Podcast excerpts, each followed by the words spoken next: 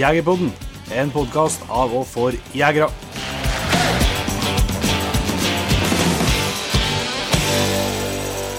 Hjertelig velkommen til en helt ny episode av Jegerpodden. Jon Ingevik, vi er tilbake i Trøndelag. Det er vi, og det kjennes bra. Kjennes bra. Fin, finværet kom når vi kom til å komme hjem. Og... Syns vi har hatt flaks med været på turen og kjørt til Sørlandet. Hadde finvær der. Kjørt eh, opp til Trøndelag og sa hei til Haugputa. Kjørt videre nordover. Finvær der. Yes. Kom til Trøndelag. Finvær her. yes. Nei, altså, vi er brune og vi er brune og blide. Ja. I hvert fall blide. Blir ikke brunt å kjøre bil. Nei, vet jeg. I dag så har vi en eh, lang og god episode med en kar som heter for Erling Solberg.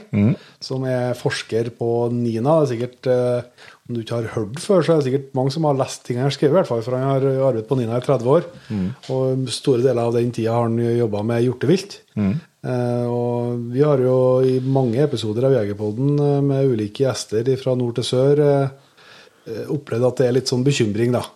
For elgbestanden spesielt, eh, og litt nysgjerrighet over hvordan det går med hjort rundt omkring.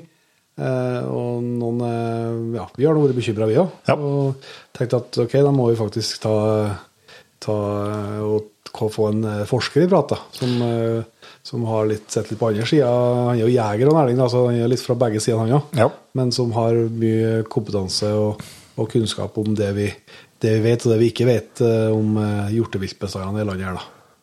Ja, vi må, vi må hente inn litt fagekspertise, og det, mm, det, den rollen syns jeg Erling tok veldig bra. Så det, det er bare å se fram til et par timer med, med nerding om hjortevilt her ganske snart. Eh, Men først eh, vil jeg si tusen takk til alle hyggelige tilbakemeldinger på forrige episoden. Med, som var P3-episode, vel å merke, men som eh, var med Ronny Pettersen. Ja.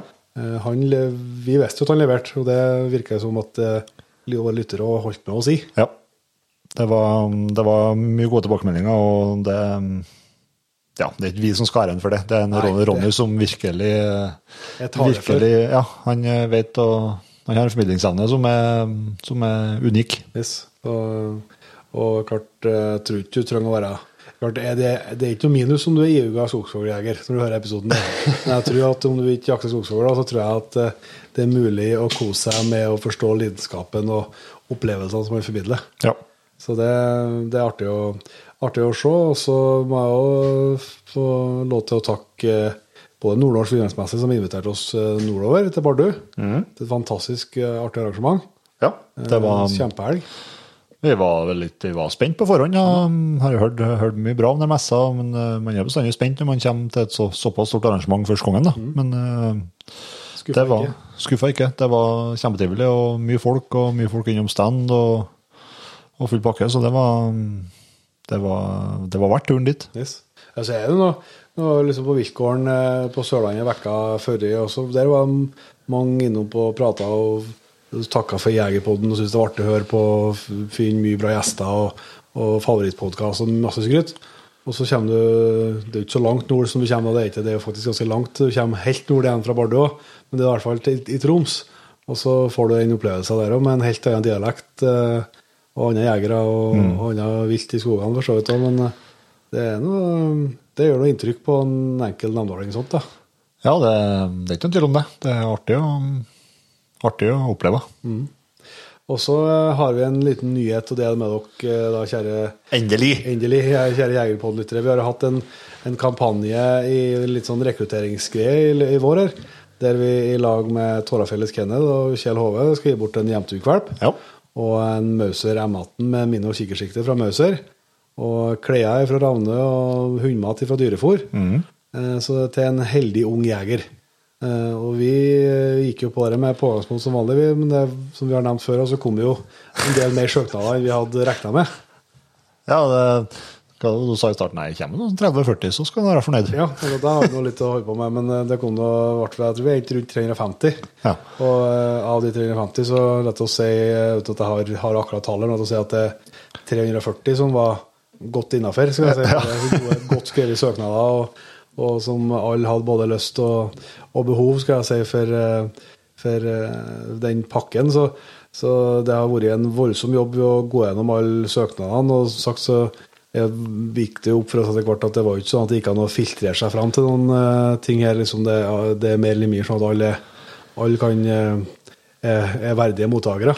Ja, også, sånn, det, det er derfor det har tatt litt tid òg. Ja. Det har tatt lengre, lengre tid enn vi tenkte å, å trekke ut vinneren. eh, Men, men det er jo fordi at det kom inn så mange, så mange søknader, og, at det var så, så altså, du, måtte, du måtte lese gjennom alle søknadene for, å, for å komme gjennom. Så det har vi nå, har vi nå gjort. Så tusen takk da, først og fremst til alle som har vært med og, og søkt. Eh, Det er jo eh, utrolig artig og, og rørende vil jeg si, å se hvor mange som har virkelig lagt sjela si og skrevet gode søknader, og som har stor interesse og stort hjerte både for hunder og for jakt. og og det som betyr så mye for oss òg. Det er utrolig artig å se. Eh, og så har vi jo nettopp nå ringt eh, den heldige vinneren, som da heter Linda Sandvik, og bor på Stjørdal. Fra Selbu, bor på Stjørdal, men har lyst til å flytte hjem til Selbu igjen. Ja. Eh, og hun Ja, altså det er jo som sagt veldig mange andre nå som var, var verdige og like verdige, så det var ikke, noe, det, var ikke det som var utslagsgivende. Det ble ikke trekking her, men eh, det var veldig litt ekstra artig med Linda, som har eh, vært med på eh, elgjakt noen år, men uten børs. Mm. Hun har vært med og kikka.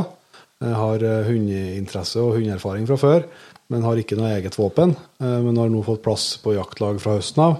Eh, så, så da ble det jo litt eh, ekstra artig også, når du ble litt sjekka på, på flere bokser, av det til slutt her, da. Så da kan vi i hvert fall si gratulerer så mye til Linda, og igjen tusen hjertelig takk til selvsagt Tårafjellet, Tårafjellets Kjell Hove, eh, Mauser, eh, Ravne og Dyrefòr, som har vært med og gjort det mulig. Og da ikke minst til alle sammen som har, eh, har søkt. Eh, Det eh, Vi skulle gjerne hatt 350 pakker til. det, er ikke, det er ikke det det, det, ikke det står på. Da må du begynne å avle gjensyn sjøl. Ja, litt skikkelig, ja. Så, nei, men det, det har i hvert fall vært en artig, artig reise, artig prosess. Og så kommer det vel litt filmer og på sosiale medier og greier etter hvert av både oljelevering og Jeg ser jo ikke helt bort ifra at vi må ha litt oppdatering i podkasten med ujevne mellomrom eh, i tida framover og årene framover, skal jeg si. Vi må få se hvordan det går med, med Linda og hennes nye hund, da. Det. Men da kan vi vel bare runde av der, og, eller ikke runde av, men sette over, heter det. til- Sett over til Erling. til Erling. Da vil jeg ønske Erling Solberg hjertelig velkommen til Jegerpodden. Takk for det. Og takk for at du tatt imot oss. da. Vi sitter og ser ned på en av våre favorittplasser i Trøndelag, med Lerkendal stadion eh, i bakgrunnen fra Ninahuset i Trondheim. Ja, stemmer. Eh, vi skal snakke om, eh, ja, om hjortevilt og, og hvordan det, det går med hjorteviltene våre. Du er en en av dem som har ført dem over, eh, over lang tid fra, fra forskningssida, og som jeger. Da, så vi må starte med, med jegerdelen eh, av livet ditt, eh, Erling. Og få høre litt hvordan, hvordan du starta, hvordan kom du inn i jakta?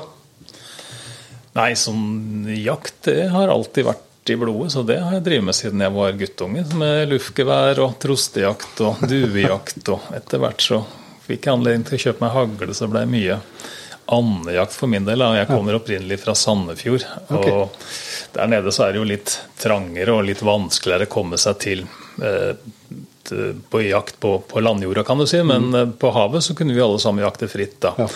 Og den gangen så var det jo også litt flere arter du kunne jakte på. Du kunne fortsatt jakte på alkene f.eks. og sånne ting. Ja.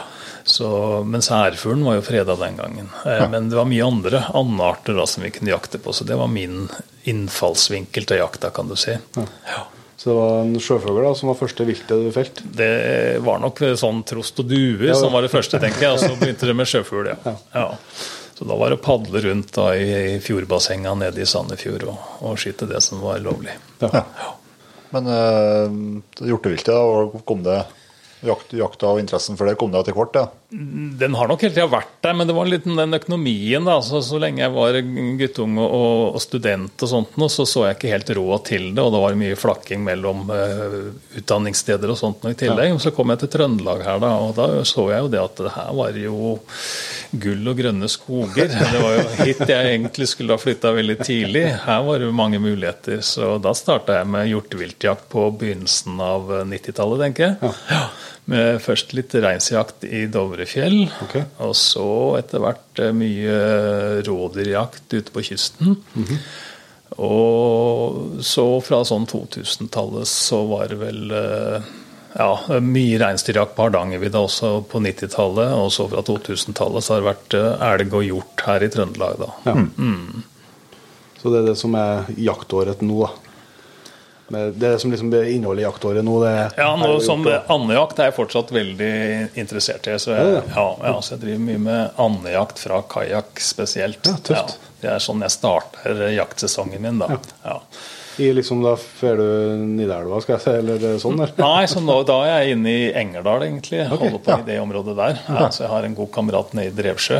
Og så vi jakter Vi har bare to dager hvert eneste år, men vi har sånn rimelig bra fangster, da. Ja. Det må være utrolig fint å sette i en sånn eh, kajakk når du trakterer den på en god måte og padle rundt og Ja visst, veldig fint. Så det, det kan være fysisk krevende. For det er ikke sånn at det er veldig mye fugl der heller, men det er store områder. og hvis den kan eh, hvis den lærer seg landskapet og, og får til teknikken Det blir mye variabler når du sitter i en, en, en kajakk og skal svinge på en haglebørse, men etter hvert så kan den få en sånn rimelig bra teknikk på det her òg, da. Ja.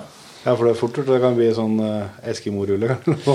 Ja, sånn, der. Vi har bare tatt halve Eskimo-rulla så langt, så endte opp med at vi må svømme, svømme til land. Men eh, det skjer sjelden. Men det har skjedd, ja. ja. Ja, Hvordan oppfører fuglen seg når du kommer eh, i kajakk? En, en roligere da enn at man smyger på langs land? liksom eh, Mer opp, oppdrag og faren derifra?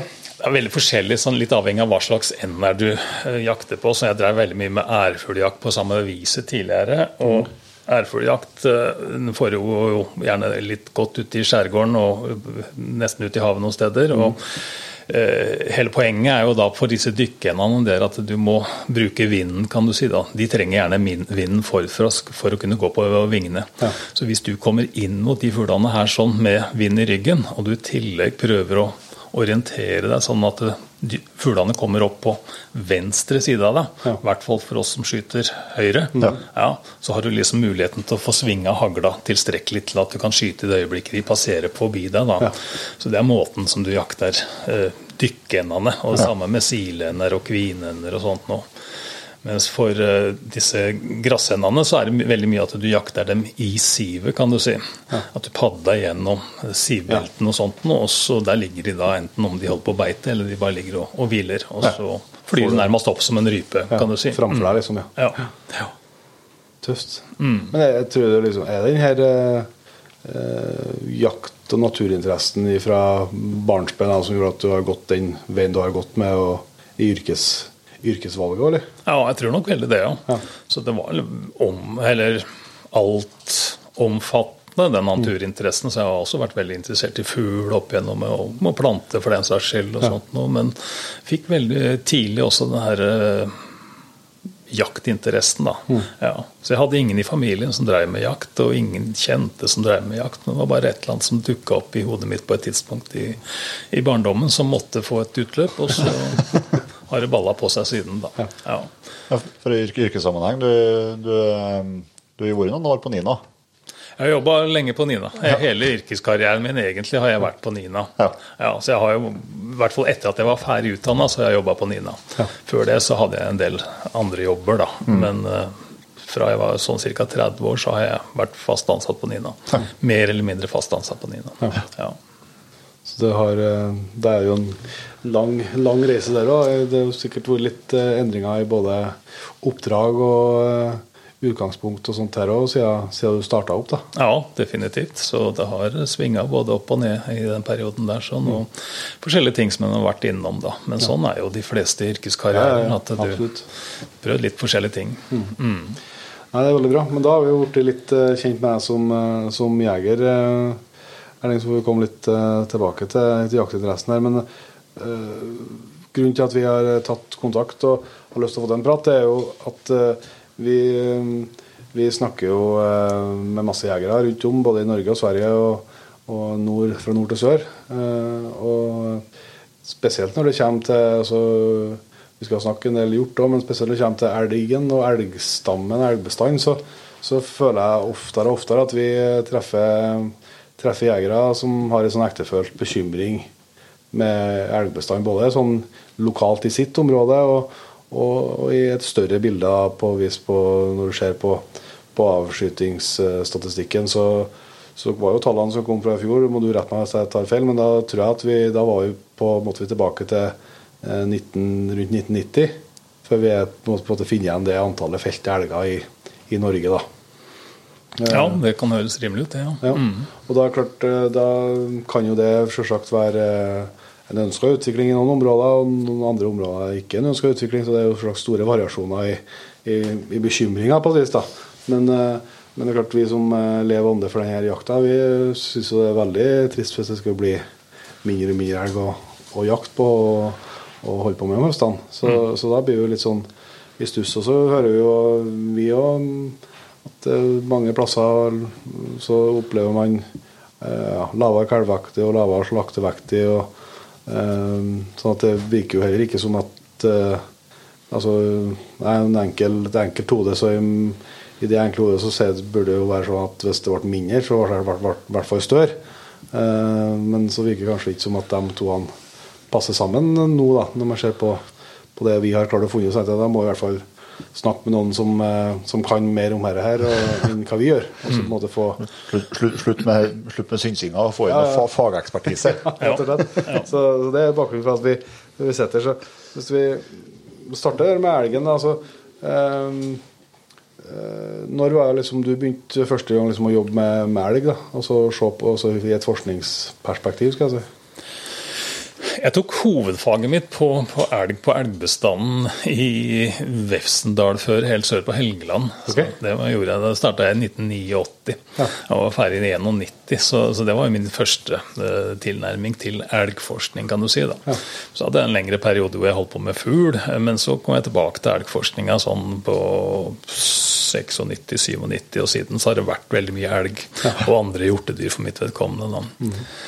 Eh, nå er jeg ikke helt sikker på om jeg husker svar, spørsmålet. Nei, nei, men, det var, ja. det var, svar, svar på spørsmålet, men, men da, da kan du jo kanskje starte litt, eh, starte litt der. Altså, hvis du, eh, der når du begynte å jobbe med elgen og elgbestanden, ja, som du sa, så er det ikke hovedfagoppgaven på et, et område, men altså, så, så, så vi har jo her en rapport framfor her med, med en overvåknings... med en overvåkningsrapport og, og overvåkningsprogrammet. Eh, der, eh, hvis jeg stiller det spørsmålet først, da, hva, eh, hvordan er det med elgstammen? Nei, Som du beskriver jo for så vidt uh, greit. Sånn, uh, det er en bestand som antallsmessig har økt voldsomt uh, i løpet av de siste 150 åra. Og det gjorde han mer eller mindre sammenhengende med noen tilbakeslag helt fram til eh, sånn eh, på 90-tallet, tidlig 2000-tall i Norge. Og siden så har det gått nedover. Så siden det, eller når elgstammen var på topp, så hadde vi sikkert en kanskje så mye som 120 000 vinterelg i Norge, anslagsvis. Og så nå er vi kanskje nede i en ja, 90 000 eller noe sånt nå. Ja. så det har vært en betydelig nedgang nå de siste åra. Helt opplagt. Men det er klart, eh, hvis vi ser det i en historisk kontekst, i hvert fall innenfor de siste 200 åra, så er det jo formidable elgtettheter vi fortsatt har i landet vårt. da. Ja. Men det vi sammenligner med da, det er jo når det var på bånn i Norge. Og det var det jo på slutten av 1700-tallet og begynnelsen av 1800-tallet. da. Og hvis vi skal sammenligne med hvordan det var for 1000 år siden, så vet vi ikke helt. Men vi har gjort oss noen betraktninger, og vi tror vi fortsatt kanskje vi ligger litt i overkant av hvordan tilstanden var den gangen. Eller om vi kanskje ligger rundt det nivået som det var den gangen. Men det er veldig mange faktorer som kommer inn i bildet der, sånn, så det er veldig vanskelig å si noe om. Men det er det numeriske, kan du si. da, så, så Sånn har utvikla seg der. Men så er det den kondisjonsmessige biten. da, og i, Når vi prater om bestandskondisjon, så trekker vi liksom inn størrelsen på dyra, vekta på dyra og reproduksjonsratene til dyra. Ja. Og der sånn så har det gått stort sett nedover i hele landet. Så deler av Nord-Norge så er det fortsatt veldig bra. Det er veldig høye vekter. Ja, Troms, og, Troms og Finnmark, liksom? Ja, ja. Fortrinnsvis Troms sånn, i, i Finnmark òg. Altså, vi ser ikke noe eh, betydelig nedgang i Finnmark, men Finnmark er fortsatt et veldig marginalt område for elgen. Så de blir ikke så store i, eh, i Finnmark eh, jevnt over som det de er i Troms. Men Troms er nok der du har de flotte flotteste eller den flotteste elgbestanden, og deler av Nordland og sånt noe i tillegg. Så, så, er det veldig flott. Kommer du sør for det, selv sør i Nordland og sånt noe, så begynner det å gå utforbakke nå kondisjonsmessig. Og Trøndelag har jo opplevd det ganske lenge nå, og ser ganske betydelig fall nesten fra år til år. Og kommer vi helt ned på Sørlandet, så er jo dette regelen framfor unntaket. Der har jo hatt denne tilstanden siden begynnelsen av 90-tallet, hvor vi begynte å se dette her. Og allerede midt på 90-tallet så var det betydelig reduksjon. Ja. Ja.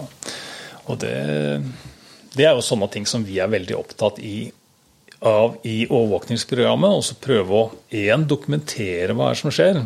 Og det er helt opplagt at vi vet mer om hva som skjer, enn hvorfor det skjer. Ja, ja. Og det er jo det hvorfor som er det store spørsmålet. Sånn, hva skal vi gjøre? Og det er klart Tetthet, eh, og ikke minst tettheten i forhold til bæreevnen i et område, det har liksom vært selve mantra i hjorteviltforskning og forvaltning. Sånn alle er innforstått med at eh, har du en fiksert, en, en gitt matmengde, og deler den på to, så blir den den, det du sitter igjen med det, per individ da, det, det, blir større enn om du må dele det på ti. Ja. Så i det øyeblikket du får veldig mange individer i en bestand, så må du liksom dele matmengden på veldig mange individer, og da vil du få en effekt. Men så er hele tida det at det her skal være i forhold til bæreevnen. Og bæreevnen er også en variabel i systemet der sånn. Og for elgens del så kjenner vi kanskje den litt igjen i det at vi mange har, fått, eh, har lært at, at, skogbruket egentlig er litt på parti med elgen. ikke sant? Og når vi innførte dette bestandsskogbruket, flatehogsten og sånt, nå, så fikk vi egentlig en økning i bæreevnen for elgens del. Det blei veldig mye mat tilgjengelig. Så der sånn så ligger allerede en faktor at hvis det er variasjon i skogbruket, så kan det påvirke veldig mye bæreevnen til elgen. Ja. Men I tillegg så er det da de her klimaendringene som nå vi begynner å merke mer og mer, da, som vi også tror påvirker bæreevnen til elgen.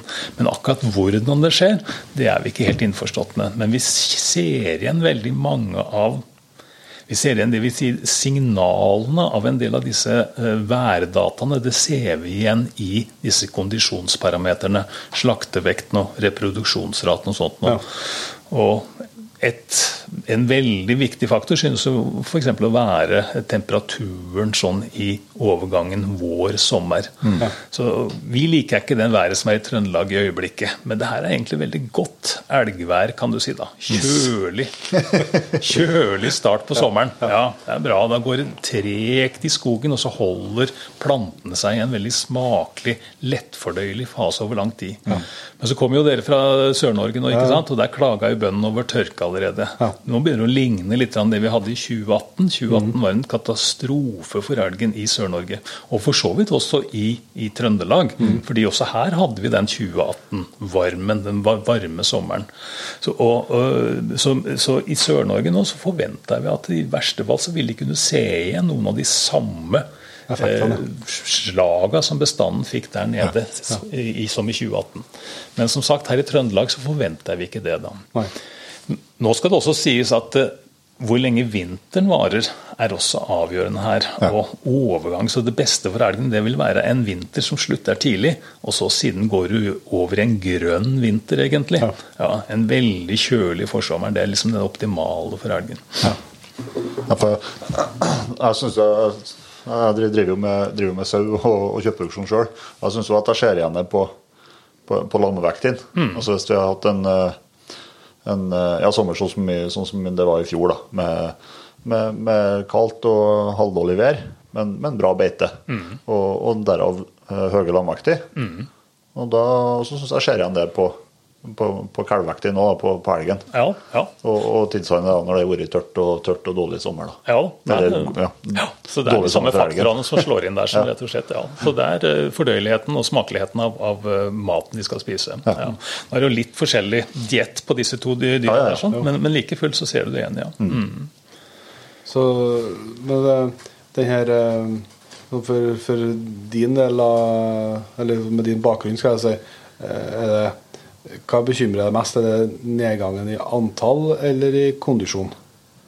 Nei, definitivt det siste. Ja. Sånn, nedgangen i antall den, den er lettforklaret. Det er liksom noe av det enkleste uh, i, i, å, å, forstå med hensyn til elgens bestandsøkologi, kan du si. da, fordi mm. den styres nesten utelukkende av hva vi skyter. Ja. Så Det er vi som styrer bestandsdynamikken, hvorvidt det går opp eller ned på elgen.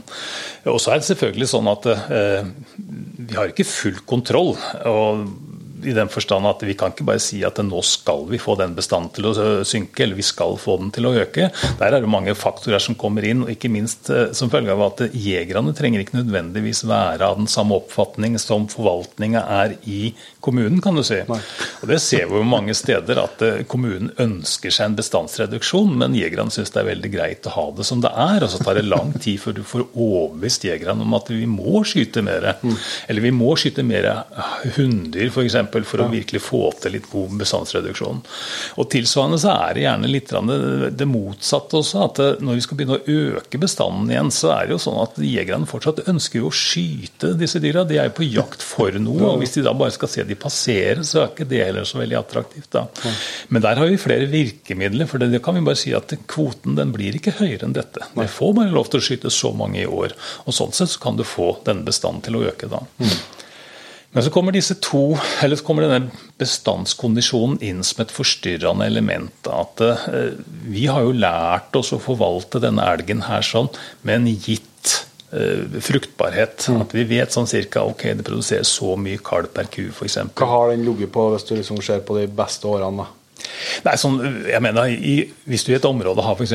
over 0,7 kalv per, per, ku, og sånt, så er det jo et veldig bra område. Ja. Men nå er det jo nede i 0,5 mange steder, og under det mange steder. Ja. Men så er, jo, så er jo kalveproduksjonen per ku er bare én faktor i det hele. Vi har jo også det med kjønnsraten i bestanden. da. Ja. For det er jo totalantallet kalver som vil være avgjørende for hvor mye du kan høste ut av denne bestanden her sånn siden. Mm. Og nå er det jo sånn at uh, som jeger så har du både lyst på mange dyr, men du har også lyst på store dyr, og kanskje også store okser. Mm. Og så er det da å kunne klare å få alle de tinga til å gå i hop. Og det gjør det bare i en viss grad. Så et fenomen som, som, vi ser nå, det er jo det at man skjønte at disse veldig skjeve kjønnsratene som vi hadde på 1990-tallet, at det er ikke sunt for elgbestanden. Da så vi faktisk i en del områder at det, det var ikke nok okser der til å bedekke alle elgkyrne engang. Og vi fikk kanskje også flere indikasjoner på at kalvinga skjedde for seint som følge av at brunsten, brunsten skjedde for seint. Mm. Og så ønska man da å rette opp disse skjevhetene der. sånn. Det har den gjort. Så nå har vi jo sånn overall i Norge så har vi kanskje en 1,8-1,9 ku per okse, kan du si. Mens hvis det går 30 år tilbake så var vi på 2,5. Ja. Ja. Og det hjelper veldig mye på andelen okser i bestanden. Men det betyr jo også det at andelen reproduktive kyr i bestanden er mye lavere nå. Ja. Så vinterbestanden er mindre produktiv ene alene som følge av at vi har en lavere andel hunder i bestanden nå enn det vi hadde tidligere.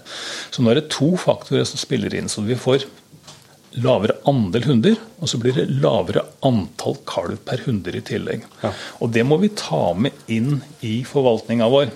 Hvis vi når vi, når, vi, når vi, velger hvordan denne bestanden skal utvikle seg, om vi ønsker at den skal gå opp eller om den skal gå ytterligere ned, så må vi ta med det i betraktning at nå har vi endra på strukturen i bestanden. Ja. Ja. Og det er ikke alltid at forvaltningen er like flink til å gjøre. Og særlig det her med skjevhetene i, i kjønnsstrukturen mm. har ofte vært et problem. At man tar ikke det med i betraktningen. At man kanskje overhøster bestandene litt vel mye i nedgangsfasen. Mm. Mm. Ja, for det er det som, eh, som, eh, som et eksempel, Hvis vi snakka litt om forhånd her, så er et område som jeg kjenner der um, der man har funnet at okay, kjønns, kjønnsfordelinga er feil, som du er oppe på sånn 2,5 ku per okse.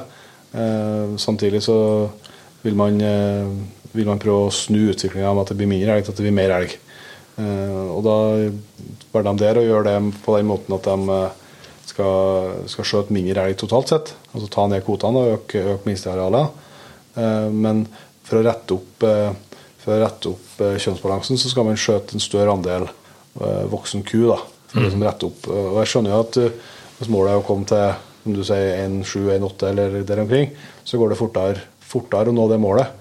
Men hvis du samtidig skal ta med deg målet om å øke bestand, så hadde det virka for min del som en langt bedre idé da, å eh, frede oksene eh, og, og, og, og frede voksendyrene. Eller gjort den endringa over tid med, med, med å skyte mer kalv. da.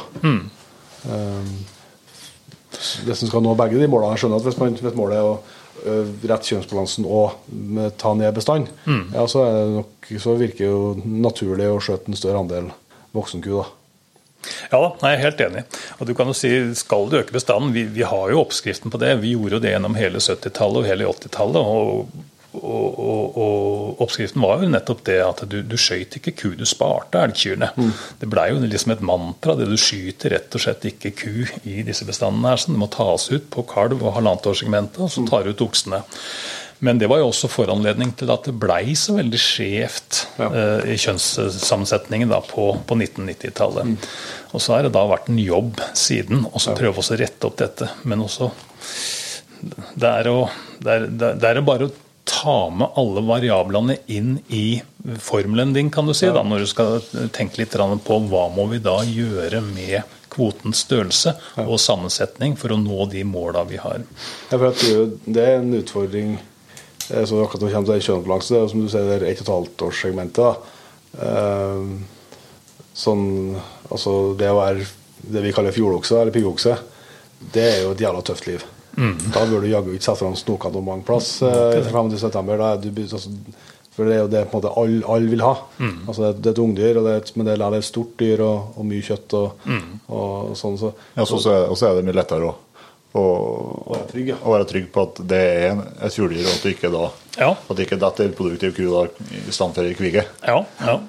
ja, det er mange, mange ting som, går, som, som gjør at eh, vi skyter, vi skyter vel nesten noe sånt noe som dobbelt så mange halvannet års gamle okser som, som mm. halvannet års kviger, tenker jeg, sånn eh, på nasjonalt nivå. Ja. Og mange faktorer eh, gjør at det går i den retningen der. sånn, ja. Men jeg vet ikke hva deres erfaring med hensyn til det å, det å jakte på, eh, på Eller å finne halvannet års gamle elgkyr under jakta, er det vanskeligere i tillegg? ja. Det er min, min oppfatning, og at det Altså, er veldig vanskelig å finne disse. Så jeg tror jo det Jeg tror jo det altså jeg, jeg hevder at det er umulig. Altså for at altså ja, du kan altså en, en dyktig elgjeger som har sett masse masse elg, vil sannsynligvis ha større sjanse enn om du tar med deg en fra gata som skal si om det er sånn eller sånn. Men, eh, men samtidig så har jeg jo jeg har vært med på, på fjordkyr som, som er fjordkyr eller kviger, som, som er 160-170 kilo. Uh, og som jeg kom fram til dem, tenkte at ok, her ble det Her gikk det på en smell. Ja. Men så viste det seg at det var jo rett. Ja. Og så neste gang så kan det være ei 2 12 år gammel ku som er, som er 120. Ja.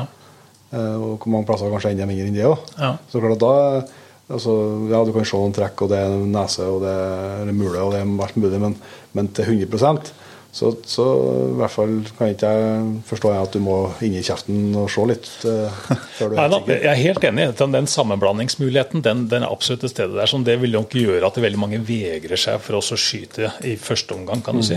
Men det jeg tenker mer på, det er er det atferdsforskjeller på en halvannet års gammel okse og en halvannet år gammel ku. Og det er mitt inntrykk at det der. At Ja. det, den kua den, den er så sky, den er så flink til å holde seg unna jegere. mens de her halvannet års gamle oksene de er så naive at de blottlegger seg i nesten enhver sammenheng. Vi ser jo sånn generelt sett for okser og kyr når vi studerer disse setter-dataene og kobler opp mot eh, radiomerkedataene våre, og sånt, så ser vi det at okser blir sett med større sannsynlighet enn elgkyrne. Sånn. Vi er jo midt i brunsten, ikke sant. De går jo der testosteronforgifta og vandrer rundt og, og blottlegger seg i enhver sammenheng. Men, men, og, og antageligvis så gjør halvannet års gamle oksene det i enda større grad. Mens kvigene de er nok den rake motsetningen. De er en ku og mer enn som så. At de har en eller annen sånn antipredator-atferd som gjør at det er veldig sjeldent at du ser dem i noe særlig stor utstrekning i et område, til tross for at de er til stede. Vi ser dem seinere, når de etter hvert kommer fram med kalven sin og sånt, når de, og de blir eldre, men akkurat i den første fasen av sitt voksent liv, så er de veldig vanskelig å jakte på. Ja, altså, I tillegg til sånn som det er en populær jaktform som, som blir mer og mer populær, det er jo jakt med løshund. og sant? Og da tror jeg det er lettere for en, for en hund også, å kjenne og det er å finne tak i en, en, en piggokse enn en kvigge. Riktig. Ja, det eh, Det er, ikke, det er absolutt ikke kvige du ønsker deg på jaktprøve. Nei, det kan jeg se for meg. Ja. Så, så dette var de er vanskelig å Både uforutsigbar Ja. og, og vanskelig for hundene kanskje å få stopp på. Så samarbeid med, ja. Og samarbeide med, liksom, å få, Ja, få det her til å funke. Det er ikke noen tvil om at det er enklere med ei voksen ku eller, eller ku med kalv eller uh, for så vidt okser. Da. Ja. Det, så, så det tror jeg du har helt, helt rett for deg, at de er, det er et vanskeligere vilt på den måten. Da. Mm. Men, men det, har jo, det kunne jo ha gått an å, å freda en større andel av, fjord, altså, av piggoksene for dem. Det går an. Altså for å, for at, men jeg vet ikke hva, du Hvis jeg kommer med den påstanden at, at mye av denne skeive kjønnsfordelinga kommer pga. avskytinga i det segmentet, like mye som at det blir skutt i mye store okser. Så er det liksom det der så På, på kalvskytinga så, så er det jo sikkert noen variasjoner der fra område til område år til år. eh, Om det blir akkurat 50-50, eller om det blir 48-52, eller hva akkurat tallet blir. Men, men det er ikke den store, store utslaget blir. Det kommer jo året etterpå. Det kommer året etterpå, ja. Helt enig. Helt enig. Ja. Så, nå skal jeg si at I hvert fall sånn som her i Trøndelag, vi går tilbake på midten av 90-tallet, så var det nesten ikke noe mer enn halvannet års gamle okser. Så du hadde liksom noen toåringer og treåringer, men det stoppa gjerne der. Og det var perioder eh, i overvåkningsprogrammet at vi ikke så okser over fire år i trøndelagsmaterialet, kan du si da. Ja. Men det har bedra seg også i Trøndelag. Men fortsatt er det sånn at i Trøndelag er nok kanskje det området som har den skjeveste kjønnsraten fortsatt. Så det er litt å hente inn. Det er sånn. Men eh, hva, hva Når dere da ser på, ser på eh, bestander, hvilken overvåkning er det som er dere, tar dere bruk i? Både sett elg og, og beitetaksering? og Hvor, hvor mange måter har dere for å, for å følge med bestand på? I utgangspunktet så har vi syv overvåkningsområder som er sånne kjerneområder for overvåkning. Ja. Og Deriblant eh, indre deler av Trøndelag, her, sånn fra Stjørdal til Verdalen. Okay. Ja. Og, og, og i de områdene så får vi inn eh, data fra alle felte dyr. Ja. Så slaktevekter og tidligere også mye reproduksjonsorganer, litt mindre det nå. Så diverse andre opplysninger da, som jegerne registrerer på disse individene her. Så dere kjenner sikkert denne merkelappen. Ja. riktig. Så det får vi fra alle disse syv overvåkningsområdene. Og så tar vi i tillegg tak i alt som samles inn av ZR-data i hele Norge. Det går jo nå inn til hjorteviltregisteret, ikke sant. Så det er bare å laste det ned derfra. Og så analyserer vi dette materialet da. Som en sånn utvida, litt mindre intensivt, mer ekstensiv overvåkning. Så ser vi på hvordan er utviklinga vært nå i disse forskjellige indeksene som du kan eh, beregne fra ZR-dataene, kan du si da. Ja. Og så har vi et samarbeid med Landskogsakseringen, som da takserer skogarealene i hele Norge. Og de gjennomfører da en egen modul der sånn som heter elgbeitetakseringa. Den dekker for så vidt også hjortebeiting, men den kalles bare elgbeitetaksering. liksom da. Og, så, og, og, og da får vi et bilde på hvordan endrer beitetrykket seg, og eh, beiteplantetettheten seg i forskjellige deler av landet. Ja. Så det er de elementene som inngår i elgovervåkninga. Vi følger også med på fallviltregistreringen. Det som går inn til både SSB og til hjorteviltregisteret, det tar vi tak i. Og så analyserer vi utviklinga i disse. Er det noen trender der sånn, som, endrer seg. som endrer seg? Ja. Og kan vi bruke dette også til å lære oss litt mer om bestandsutviklinga, f.eks.? Men det, det skiftet som, eh, det er jo noe som virkelig skapte uh, skapt fart i kommentarfeltene og litt forskjellig. Det var jo når skjøtelgskjema skulle føres på en ny måte. Nettopp. Der, er- tror jeg jo fort, der er jo fortsatt en del eh, elglag som Nei, vi, skal, vi fører det på gamlemåten. Ja. Vi skal ikke telle den, eh, den elgoksen der skal vi ikke telle fem ganger. Nettopp. Hva, kjenner du bakgrunnen for at, at endringa kom, og liksom rasjonalet for det? Ja, ja. Så det var vi som, eh, som, som Det er vi som har skylda. vi hadde et prosjekt eh, 2014 eller noe sånt, tenker jeg, så, så, lagde vi en rapport til Miljødirektoratet som gikk på sett dyrovervåkninga generelt, som både elg og hjort, kan du si. da, og hvor vi annonserte dette her sånn, og, for å prøve å forstå litt hvor ligger feila der. Sånn, hva er presisjon og jaktigheten i det her? Hvordan kan vi bruke det? Og hvordan kan vi bli lurt av det vi ser der? Og sånt nå. Og vi fant ut da at det stort sett så er det veldig mye bra der. Det er veldig mye bedre settelgovervåkninga enn setthjortovervåkninga, men vi ser også noe forbedringspotensial områder der. Men så var det én ting som da dukker opp som et element som vi alltid har stussa litt på, og som vi nå ser at det er kanskje ikke noe heldig å ha den måten å gjøre det på. Og da skula vi også litt til hvordan de gjør det i Sverige, og hvordan de gjør det i Finland. Mm. Og dette er det, denne tendensen vi hadde, den, den, den, instruksen vi hadde med at vi skal da kansellere observasjoner som er gjort av samme elg, av samme jeger, eller samme jeger eller andre jegere i jaktlaget samme dag, kan du si da. Mm. Det skal bare telles én gang hvis du er sikker på at dette er den samme elgen. Og Så kan du da begynne å tenke litt da, Hvordan vil dette variere avhengig om jaktlag består av én person og ti personer? Mm. Og det er klart at det, I et jaktlag med ti personer så er det stor sannsynlighet for at én elg kan bli sett veldig mange ganger. Den springer nedover eh, postrekka, liksom. postrekka ikke sant? Og ingen har lyst til å skyte den, for den er ikke på kvota eller hva det måtte være for noe. Mens en enkeltmannsjeger han ser jo bare denne her én gang, og så forsvinner den. Og det er greit nok, det, men så skal jo denne, disse observasjonene de skal jo da skaleres med jaktinnsatsen. Og Da har den ene jegeren her han har sett én elg på én jegerdag. Mens de andre har sett én elg på ti jegerdager. Mm. Og Da blir jo dette her veldig feil, hvis vi da ser, ser for oss at det blir variasjon i antallet jegere som jakter i norske elger lag. lag. kan du si. Og Det er det vi begynner å se veldig mye nå. Tidligere så har det jo vært veldig tradisjonsbundet, den her elgjakta. Det, at eh, det er de samme guttene som kommer hvert eneste år. Det jaktlaget her det har vært syv personer. Mm. Og det var det også for 30 år siden. Men nå er det sånn endringer i jaktmetode, endringer i jaktsalget. sånn Statskog f.eks. begynner å selge sånn enkeltkort på, på elgjakt og diverse. Så får vi veldig mange forskjellige typer jaktlag, og det kan variere veldig mye innenfor et område, og til dels også over tid. Så i verste fall det vi da ser i disse sett per jegerdag-indeksene våre, det er variasjonen i størrelsen på elgjaktlagene, og ikke variasjonen i størrelsen på bestandsstørrelsen. Mm. Så for å rette opp i den feilen, så måtte vi rett og slett få tilbake det at eh, vi ser på antallet observasjoner av elg, ikke antallet elg som observeres. Altså antallet individer av elg som observeres. Sånn gjør de i Sverige, sånn som vi begynner å gjøre det nå. og Sånn gjør de i Finland. Så de har mye mer sånn korrekt tilnærming til det hele, kan du si. da.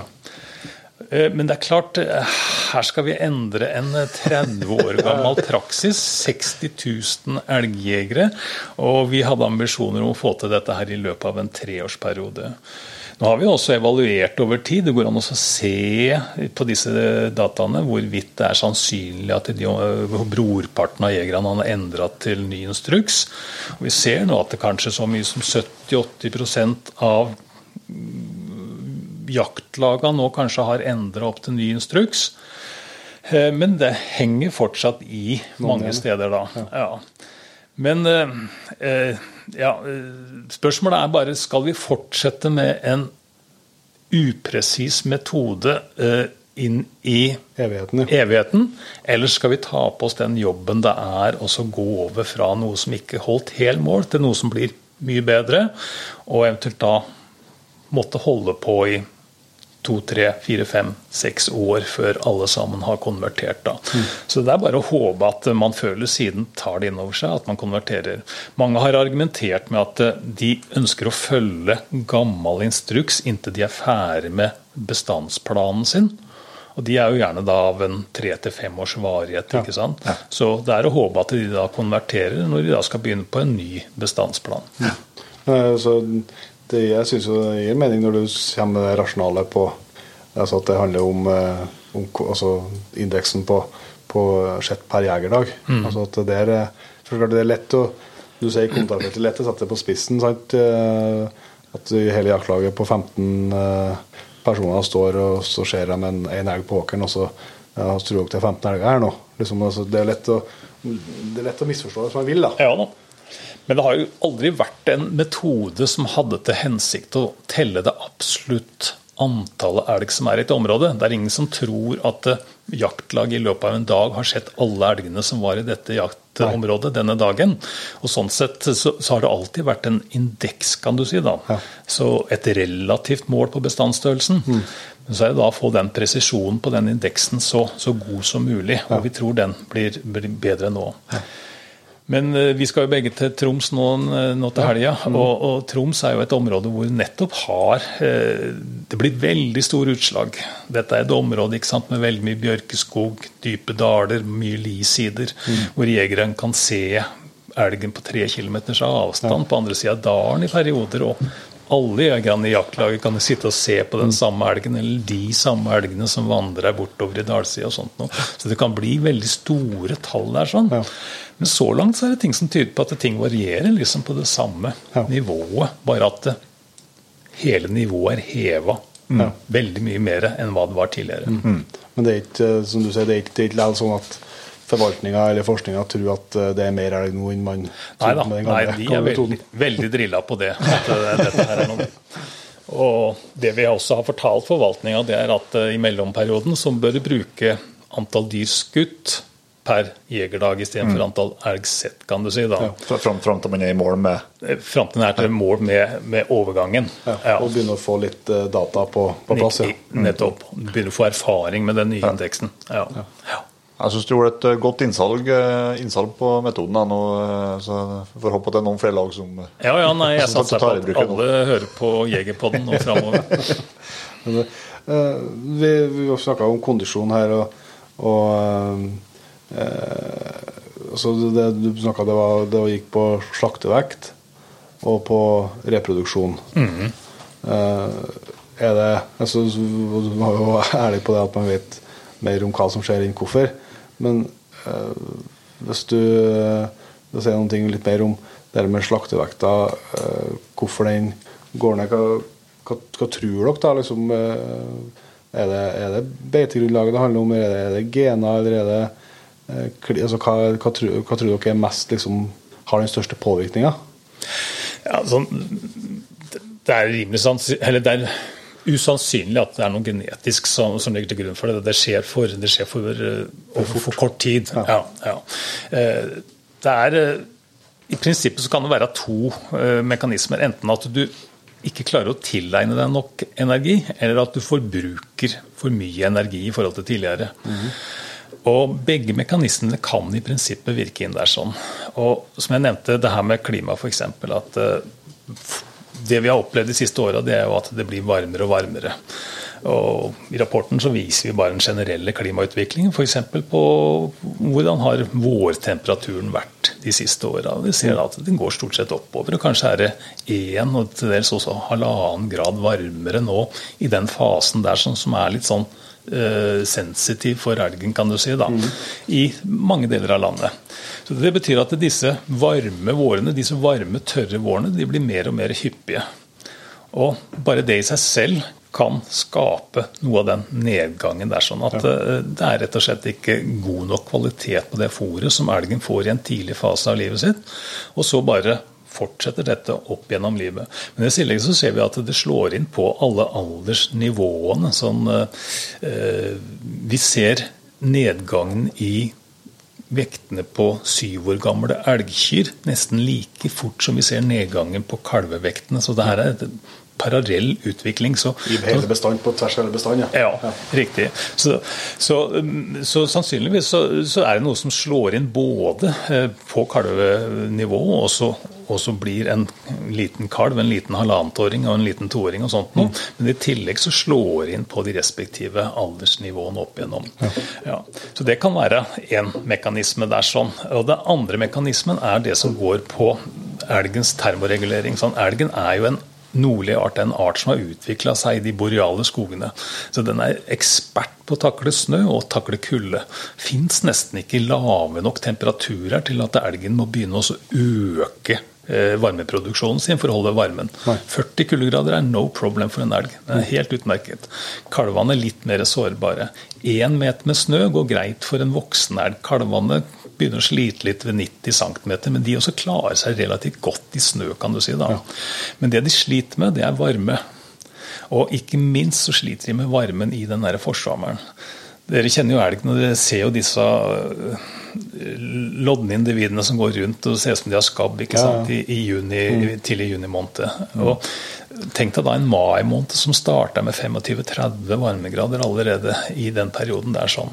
Da er øh, det, Man har gjort en del sånn fysiologiske studier på elgen i fangenskap. og En ser det at øh, når vintertemperaturen går over minus fem grader, så må elgen begynne å bruke energi på å holde kroppstemperaturen sin nede. Ja. Og hvis den er over 14 varmegrader på sommeren, så må den gjøre det tilsvarende. Og det er klart eh, Minus fem grader, det er, eh, det er under gjennomsnittstemperaturen i Trøndelag det er på vinteren nå. Så det er veldig ofte det at vi har plussgrader på vinterstid. Og da går elgen i full polarbekledning, kan du si. Ja. Og skal da måtte slite litt med disse temperaturene.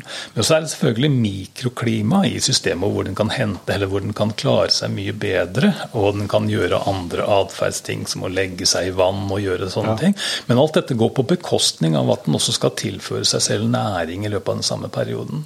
Men eh, til syvende og sist så betyr det bare det at elgen den opplever nå stadig oftere å få temperaturer som egentlig ikke er noe særlig godt tilpassa til. Og når dette akkumuleres gjennom et langt liv, så betyr det at eh, du får lavere eh, vektutvikling, du får færre ressurser som du kan kanalisere videre til reproduksjon. Ja, for det er liksom det Det, det blir på at uh, den øh, ja, Det er ti minutter eller halvtimer med beiting han mister hver dag han må gå ut i et vann for å kjøle seg ned. Over, over tid og over år. Som gir utslaget, liksom. Ja, mm. da. Eller om den tar kostnaden med det. Men det er da en kostnad, kan du si. da. Den ser når de passerer disse tersklene, det er at de får økt hjerterytme. Ja. Så da må de bruke energi på å holde kroppen nedkjørt. Men det med reproduksjon, jeg tror er det sammenhengen med, med den her, så den her økte kostnaden, da, for å kalle det det? Eller tror dere det handler mer om eh, kjønnsbalansen i, i bestanden? Nei, så Det er nok eh, først og fremst det her med redusert eh, vekt, kan du si. da. Sånn for elgen, sånn for de fleste andre klaudyr, så det er jo et veldig nært forhold mellom hvor stor og hvor mye kroppsreserver du har, og hvor produktiv du kan være. Ja.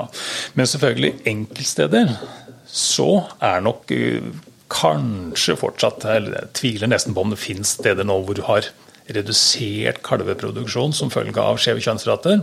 Men hvis du går tilbake til 90-tallet, og særlig her i Trøndelag, så hadde vi lave eller lave rekrutteringsrater, lave kalv per kurate på høsten, samtidig som vi hadde veldig skjeve kjønnsrater. I deler av Trøndelag her så, så ble det da observert sånn fire-fem kyr per okse. Og som jeg sa, du fant knapt okser som var eldre enn to-tre år i disse områdene her. sånn. Så der var det mest sannsynlig en effekt av en underkapasitet på bedekningssida, kan du si. da. Eh, Det var rett og slett ikke tilstrekkelig okser til stede å gjennomføre den. Hvis jeg tar det mikronivået som er, hva jeg ser i Skjærskogen, så ser jeg hvis jeg har sett bare fire kyr per okse, så har jeg vært superhappy. jeg føler jeg ser 15 kyr per okse før. Men det, Så, så er du allergisk mot okser. Ja. Nei, men Jeg har også jakta i sånne områder i Trøndelag her som hvor det ser veldig mange kyr per okse. Og, og som sagt, det er jo et mikroperspektiv. Vi jakter i, i, i enkelte spesifikke områder. Men noen, noen år og noen steder så er det veldig skjevt. Og det er jo det som også kommer inn der, at kanskje hvis det var sånn at det var tre ku per okse eller fire ku per okse jevnt over, så ville det likevel kunne gått greit. Men eh, i enkelte områder så er det veldig mye skjevere enn det.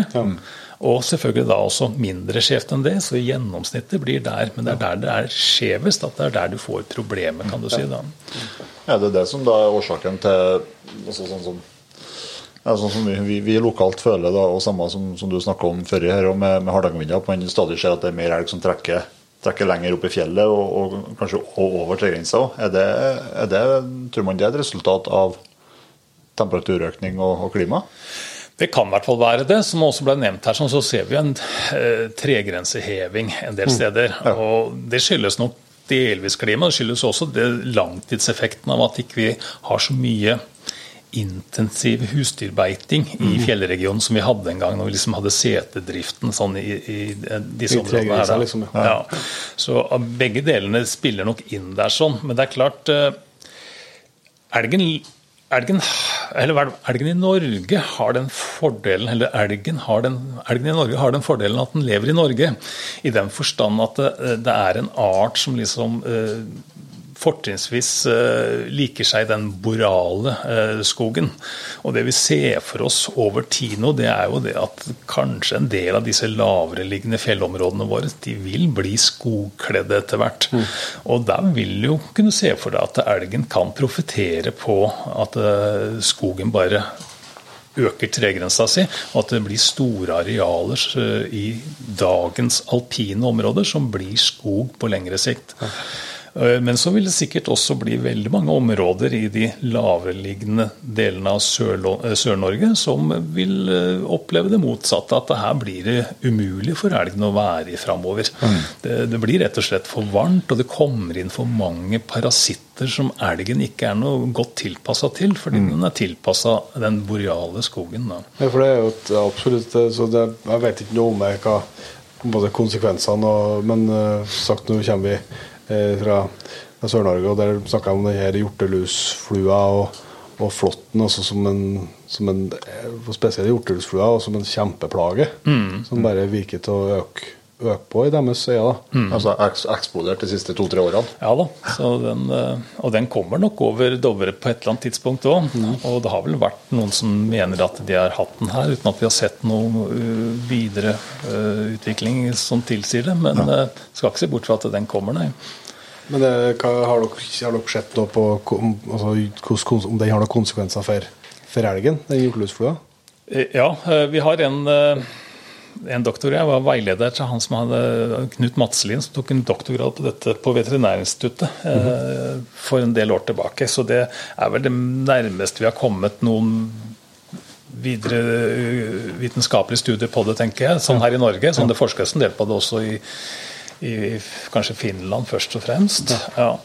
Men eh, igjen så er det mer sånn at vi har dokumentert hva som skjer, men vi vet ikke helt hvorfor nødvendigvis der heller. Eh, Jeg vet ikke om dere kan huske tilbake at vi hadde det tilløp til veldig mye hårløse elg på Ja. Østlandet en periode. Og det ble sett litt i sammenheng med den der eh, framveksten av hjortelusflua. da.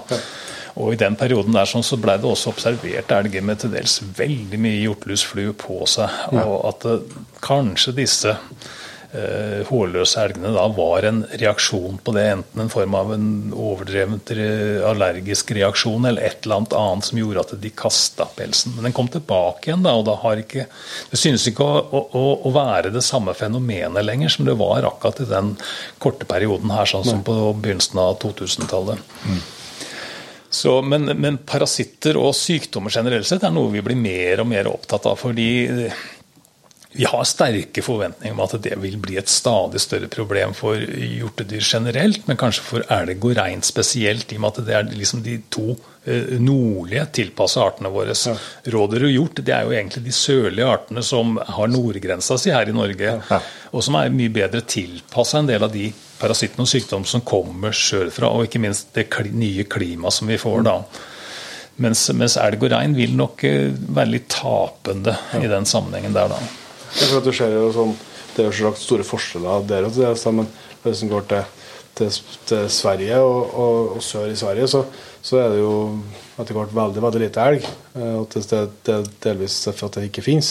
Men det hele er jo veldig veldig viltrikt, med, som er dåhjort og villsvin og hjort og, og ikke minst rådyr. Mm. Så, sånn at det er jo noen det er, noe- som du sier, det er jo noen arter som, som profitterer på, Ja. på endringer og, Ja. og sånn da, som, som, som takler det er også kanskje eh, Men jeg tenker på den du snakka om eh, eh, med kostnadene og elgen også, og energiforbruk og hele den biten der. Har man sett noe på Vi blir jo mer og mer folk i landet. vi har mer og mer fritid, og, og, og mange bruker deler av fritida si om det er på hytta eller om det er på til fjells i naturen. Og, sånn. altså, det, er jo, det er jo noe som vi vet f.eks. Uh, Reindrifta er veldig opptatt av. Uh, sånn at også I denne perioden som, som er nå med kalvingene, er, er sårbart. Og, og, sånn må det til dels være for elgen òg. Ja. Uten at jeg opplever at det er det samme fokuset på det kan du si, eh, på det jevne. Nettopp. Nei, men Jeg er helt enig. Kan si, det har jo vært rein, øh, både villrein og tamrein, som har vært mest opptatt av dette forstyrrelseselementet. kan du si da. Og når vi drev og diskuterte bæreevnen tidligere, så er jo også det en faktor som kommer inn i bæreevnen. At når forstyrrelsen blir for stor, så vil ikke disse dyra her kunne klare å utnytte potensialet i hele det potensielle leveområdet sitt. fordi de, frykten blir for stor. De klarer rett og slett ikke utnytte randsonene. Og Det ser du jo veldig tydelig på, på villrein. At det kommer for nærme hytteområder og turiststier og sånt. Og så ser du da at bruken av disse områdene der synker. Så For noen par år siden også, så begynte vi å undersøke kan vi se igjen noe av det samme f.eks. på de her skoglevende hjortedyra våre, og da fortrinnsvis elg og hjort. da. Så vi tok tak i i disse dataene vi har fra landskogsakseringa, og så så vi på hvordan er beitetrykket og beiteplantetettheten, hvordan varierer den med avstand til der folk bor. Så tok vi tak i bebodde hus, og så veier. Og så så vi litt av hvordan endrer det Så kontrollerte vi for alle mulige andre faktorer med hensyn til produktivitet av skog og sånt. Nå kan du si det høyde over hav og alt, alt annet som vi hadde i hvert fall tilgang til av informasjon om som kunne påvirke beiteplantene i disse områdene her. Og Da ser vi veldig tydelig at når du kommer innafor en 250-150 meter, så begynner beitetrykket å synke. Ja. Og så begynner matproduksjonen til elgen å øke. Eller pla- beiteplantene til elgen å øke.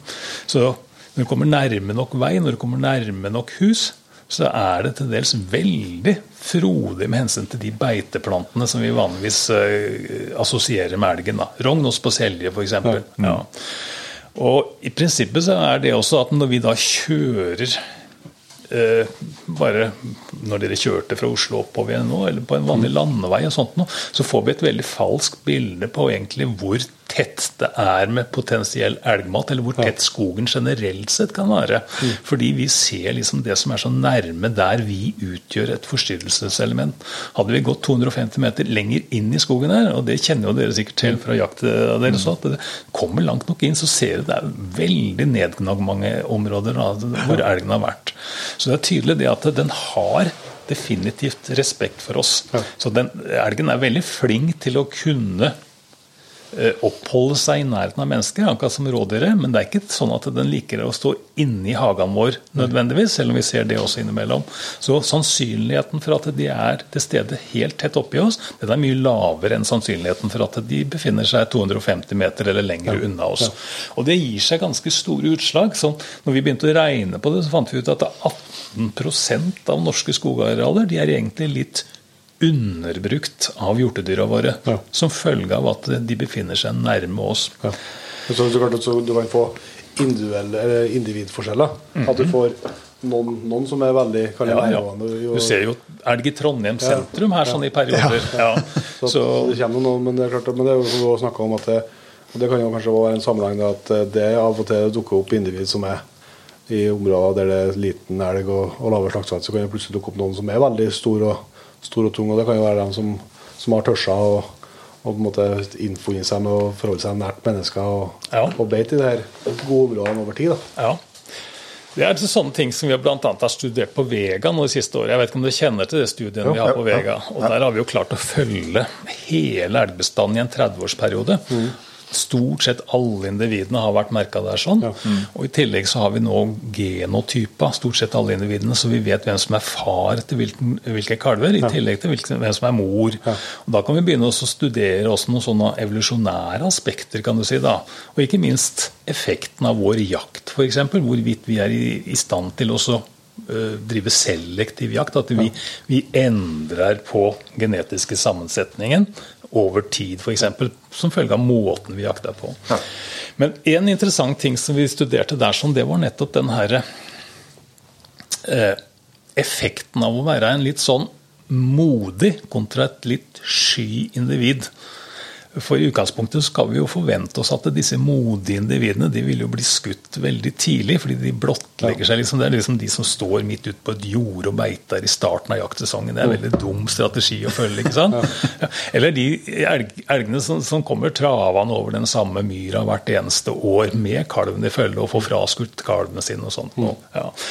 Eh, men så har du de skyindividene da, som er den andre ytterligheten, som kanskje er mye flinkere til å forholde seg til potensielle farer, og alltid velger den sikre kontra den usikre løsningen på valgene sine. Eh, men så er jo dette her at eh, det er også andre fordeler og ulemper med disse strategiene. og Det vi så på Vega, var at de modige individene det var de som brukte veldig mye innmarka for eksempel, til å tilegne seg veldig mye mat. Mm. Og de ble mer produktive individer. De ble større individer, de ble mer produktive individer. Men de ble også skutt med større sannsynlighet. Eller vil si, kalvene til disse individene ble skutt med større sannsynlighet. Ja. Ja. Mens disse skyindividene de ble mindre produktive. Men de overlevde med større sannsynlighet. Ja. Og Derfor kan vi beholde begge de to strategiene der sånn egentlig til stede i elgbestandene våre. Det beholdes jevnt fordi de utligner hverandre. Ja. ja. Men dette er jo en skjør balanse, kan du si. da. Så Hvis det er et veldig hardt jakttrykk, så kan vi se for oss at vi kanskje tapper bestanden for disse modige individene over tid. Mm. Og I verste fall kan du faktisk oppleve at det vi observerer av reproduktive elementer der, sånn rekrutteringsraten f.eks., at denne synker. Ja. Det er ikke som følge av at kondisjonen i bestanden per se synker som følge av lite mat, men det er som følge av at vi har valgt å skyte de mest produktive individene ja. fordi de var lettest å skyte. Her er spekulasjoner, det er liksom hypoteser, men det er, det er, ting som vi prøver å forfølge litt nå når vi, ser, når vi har disse intensive studiene av den typen som vi har på Vega. Ja. Men Hvordan er det på Vega med, med kondisjon sånn, så i, i, stort der. Altså, vi har vært på Vega og jakta rådyr. Har jo jeg har aldri sett så stor elgokse i mitt liv i hvert fall som jeg så på der. Nei, og de er veldig flotte. Og de har vært veldig flotte veldig lenge. Mm. Eh, nå er jo det heldig også på Vega at de har vært eh, edruelig med hensyn til hvor mye elg de skal ha på Vega. da. Ja. Men likevel så har elgbestanden økt, men det er fortsatt en lav tetthet der. sånn. Mm. Men det som er interessant nå, at eh, fram til for eh, sånn ca ti år siden, så var det ingen trend i disse kondisjonsparametrene. Produktiviteten var på samme nivå, og kalvevekten var på samme nivå, med årlig variasjon. Ja. Men så de siste ti årene, så ser vi det begynner å bikke utforbakke. Ja. Både på kalvevektene og ikke minst tvillingratene hos ja. elgkyrne. Så da ser vi igjen noe av det samme som vi ser i fastlandsbestanden, og ikke minst lenger sjøl. Ja. Og går vi inn og ser på klima variablene våre, så ser vi også den der varminga. Det blir varmere på vinteren, det blir varmere på sommeren. Nå er det også det at det her har tross alt bestandstettheten også økt i den samme perioden. Mm. Kanskje spiller den også inn der sånn. Men så kjenner vi ikke helt av bæren for elgen, hvorvidt den har også variert der sånn. Men der står vi da. Vi driver liksom og driller på alle de tinga der sånn. og som følge av at elgen er så utrolig stor og så dyr å holde på med, så er det ikke noe art som det er veldig lett å eksperimentere med. Vi kan ikke manipulere for mye på det. Vi har gjort det litt på Vega, for det er en sånn håndterlig bestand. Men stort sett så er vi avhengig av å følge den variasjonen som skjer naturlig. Og så må vi koble det opp mot andre ting som har skjedd i samme perioden. Og så må vi se hva er det som best forklarer det vi observerer her. sånn. Mm. Og sånn er det vi beveger oss videre i forståelsen av hva som skjer. Men det tar tid, fordi vi har ikke tilstrekkelig variasjon over lang nok tid til å kunne klare å løse ut den viktigste faktoren, eller de viktigste faktorene som ligger til grunn for den utviklinga som vi ser da. Mm. Og så må det være i tillegg til alt dette så, så ser vi jo at altså, byen er områder som, som, som, stadig bygges ut. Uh, altså, både rundt Trondheim her og, og Oslo.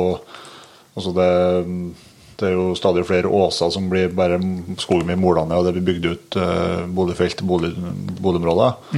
Og så har det jo da og da skal, er det mer folk som skal flytte seg ut byen. byen. Dermed større veiutbygginger med, med bredere motorveier, og derav da og viltgjerd, da.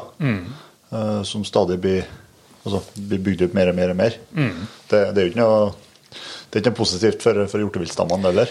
Nei, Sånn generelt sett infrastrukturutbygging, så lenge den bare tiltar og tiltar, så vil det jo ikke gagne natur i noe som helst sammenheng. Nei. Så det er vel noe vi, vi ja, vi har slitt med det, og vi vil måtte slite med det. sånn. Vi er rett og slett litt for mange, eller vi er altfor mange på den kloden her. sånn. Og det har ikke stoppa ennå. Det er det som er problemet. Ja. Men jeg hører kanskje på hintet at de tror at vi holder på å toppen, altså at vi skal nedover igjen. At vi, det går ikke så bra med reproduksjonsratene til mennesker heller. Ja, I enkelte deler av verden så gjør ikke det. Eh, Og her i Europa så, så ser vi jo det. eh, At eh, her er det lave fertilitetsrater, antall barn per kvinne og sånt nå. Men vi har så stort etterslep. Det er liksom, vi har så store eh, årsklasser bak oss som fortsatt liksom skal leve gjennom det. Altså, vi kommer nok til å øke i befolkning i Europa også i flere år framover. Men så er det vel sånn som Afrika, ikke sant. De skal øke fra 1 milliard mennesker, drøy milliard som de er nå, til 4 milliarder i løpet av dette århundret her. sånn. Og det blir mye mennesker. Vi kommer til å være mange mennesker her. sånn. Ja. Å fortelle, en annen kjent på navnet på en forskerkollega, det er jo litt på natur, da, men han forteller meg at hvis vi flytta hele Norges befolkning til India, så kunne vi statistisk sett bevist det. For det var utenfor, vi var innenfor fjellmargin. Ja, ja. Så det er klart at det er noen områder det, det er enda, enda flere folk. Ja.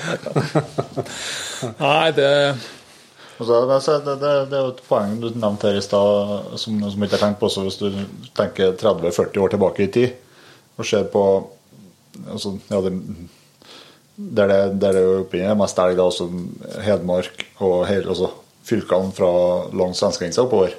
Og så ser du på antall beitedyr som var der 30-40 år tilbake, kontra det nå. Det er ganske betydelig forskjell der. Altså, da tenker jeg i forhold til, til, til beite og, og, um, og, og tregrensa sånn opp mot fjellet og den biten der. Og det, det, det er gått ned betydelig. Det, er jo- det, er jo- for at det skal være plass til, plass til rovdyrene, så det er jo ikke noe, det er en naturlig grunn. Ja, så, ja, Lokalt har det vært veldig eh, variasjon noen steder. og sånn, ja. du, du nevnte Lien her i stad. og sånn Der er det stort sett slutta med, med sau, vil jeg tippe. Og mange steder nedover langs grensa.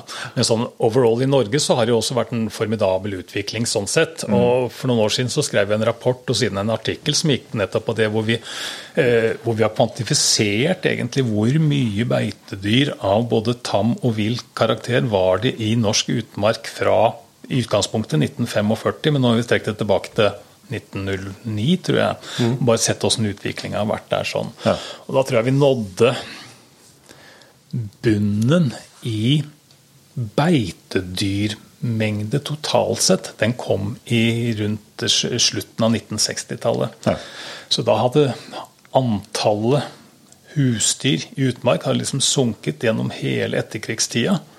Og så flata det sånn rimelig ut da fra rundt 1970 og framover. eh, og vært veldig lavt stort sett da. Stort sett vært sau, litt kveg rundt omkring. Mens da fra slutten av 1960-tallet så tok liksom hjortedyr eh, virkelig av, kan du si, da. Og har kompensert veldig mye for det som var fortrinnsvis husdyrbeiting tilbake rett etter krigen. Så sånn for norsk utmark sin del så var nok den minst beita i sånn helt på slutten av 60-tallet, begynnelsen av 1970-tallet. Og det er, skal du ikke se bort fra at det også har spilt veldig mye inn på hele dynamikken i hjortedyr bestandenes størrelse siden. Fordi da fikk vi liksom en periode der som det virkelig kunne begynne å akkumuleres veldig mye mat til disse hjortedyra. Der sånn etter hvert som husdyra forsvant ut og hjortedyra ennå ikke hadde begynt å blomstre helt og fullt. Så vi hadde så mye mat tilgjengelig liksom i systemet på begynnelsen av 1970-tallet som disse eh, både elg- og hjortebestandene da som kunne profitere på gjennom hele 70-tallet og kanskje langt inn på 80-tallet. Som lå der og forfrenta seg, liksom. Ja. Ja.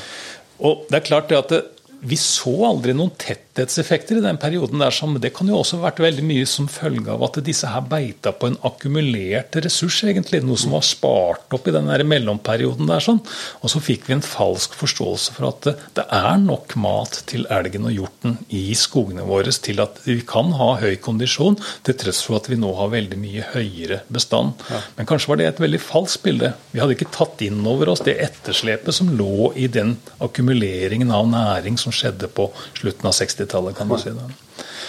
Og Dette falt jo også sammen da med eh, endringene til bestandsskogbruket på 50-tallet og 60-tallet. og sånt. Så det var veldig mange faktorer som tilsier at eh, elgen og hjorten hadde veldig gode betingelser på 70- og 80-tallet, og at vi kanskje ikke helt så igjen den faktiske effekten disse dyra hadde på vegetasjonen og beitegrunnlaget i kondisjonen på dyra. Mm. Nei.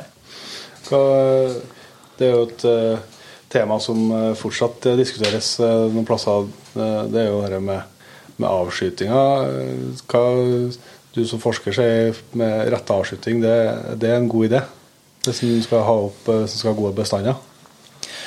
Altså, retta avskyting i det har jo fått litt forskjellige oppfatninger. Altså, rette avskyting betyr i prinsippet bare at vi fordeler kvotene på ulike kjønns- og aldersklasser. Mm. Og Så er det da spørsmålet hvordan vi fordeler det, da, som ofte har vært diskusjonen. Mm. Ja. Og, Men det å skyte kalv, f.eks., ja. som man begynte med da 50-60-tallet ja. og utover, ja. det, det, sammenfaller i hvert fall veldig godt med, med økninga i bestand. Ja, det, definitivt. Det, det, er jo ikke noen tvil om. Nei, helt enig. Men sånn, i utgangspunktet så var det nok ikke det per se som var utslagsgivende. sånn Grunnen til at bestander øker, er at vi skyter færre dyr enn det rekrutteres inn i mm. bestanden. Eh, og Uavhengig av hva du skyter, så lenge du skyter færre dyr enn hva som eh, rekrutteres inn, så vil det være en økning der. sånn. Ja. Så Det er liksom grunnen. Men det som antagelig var fordelen med å dreie avskytinga over på kalv, var at vi kunne skyte veldig mye det samme, og kanskje litt mer også, eh, fra år til år, som følge av at når du skyter lavere i alderspyramiden, så kan du skyte flere dyr mm. enn om du skyter høyt i alderspyramiden. kan du si da. Mm.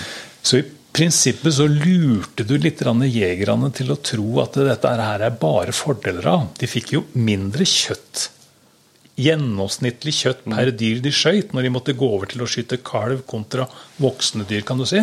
Men antallsmessig så, så det veldig pent ut når du gradvis glei over til å skyte stadig mer kalv i den perioden der. sånn. Og så at de sier at totalen eh, på kjøttvekta ble så forskjellig likevel. Altså når det, antallet blir større. Men så Nettopp, nettopp, nettopp. Så, nei, så det, ja. Men selvfølgelig, det har jo skapt mye brudulje opp igjennom det her med å skyte kalv. Og det er jo fortsatt sånn at det henger veldig igjen eh, mm. mange steder. og Trøndelag er jo et uh, fylke hvor en skyter har over lang lang tid nå skutt veldig mye kalv. Mm. Og mange mener sikkert også at en skyter altfor mye kalv her. sånn. Og Det er et greit diskusjonstema, tror jeg, men det finnes jo deler av landet hvor man skyter veldig lite kalv. Mm. Og enkelte lokale områder hvor man ikke skyter kalv i det hele tatt. Ja. Og Da er det ofte litt forskjellig grunner til det, da. Men det, ting er jo veldig personavhengig mange steder. Og, ja. Men eh, det er klart eh, Å skyte kalv, det, det kan være følelsesmessig belastende for, eh, for mange mennesker. Men sånn jaktmessig, når man først har akseptert at man driver med overlagt drap hver eneste høst når man går ut i skogen, så tror jeg nok at kalveskyting bør være noe vi må bare akseptere. Mm. Ja, i hvert fall hvis det er sånn Vi har snakka så mye om med beiteskala, men altså, vi har snakka litt om, om, beite. og det er jo altså, en, klart, en, en, kalv Du kan jo til en viss grad si at du har brukt noe vinterbeite, for den kua har jo, eh, har jo kanskje spist mer for at hun var drektig enn at hun ikke var drektig. På det, så har vært, kalven har vært med, men ikke på samme måte. Altså, du har jo ikke brukt noe av, av vinterbeitet på det individet. da. Hvis det, hvis det, er, en, hvis det er en marginal faktor i et område. Eh, vinterbeite? Ja. ja.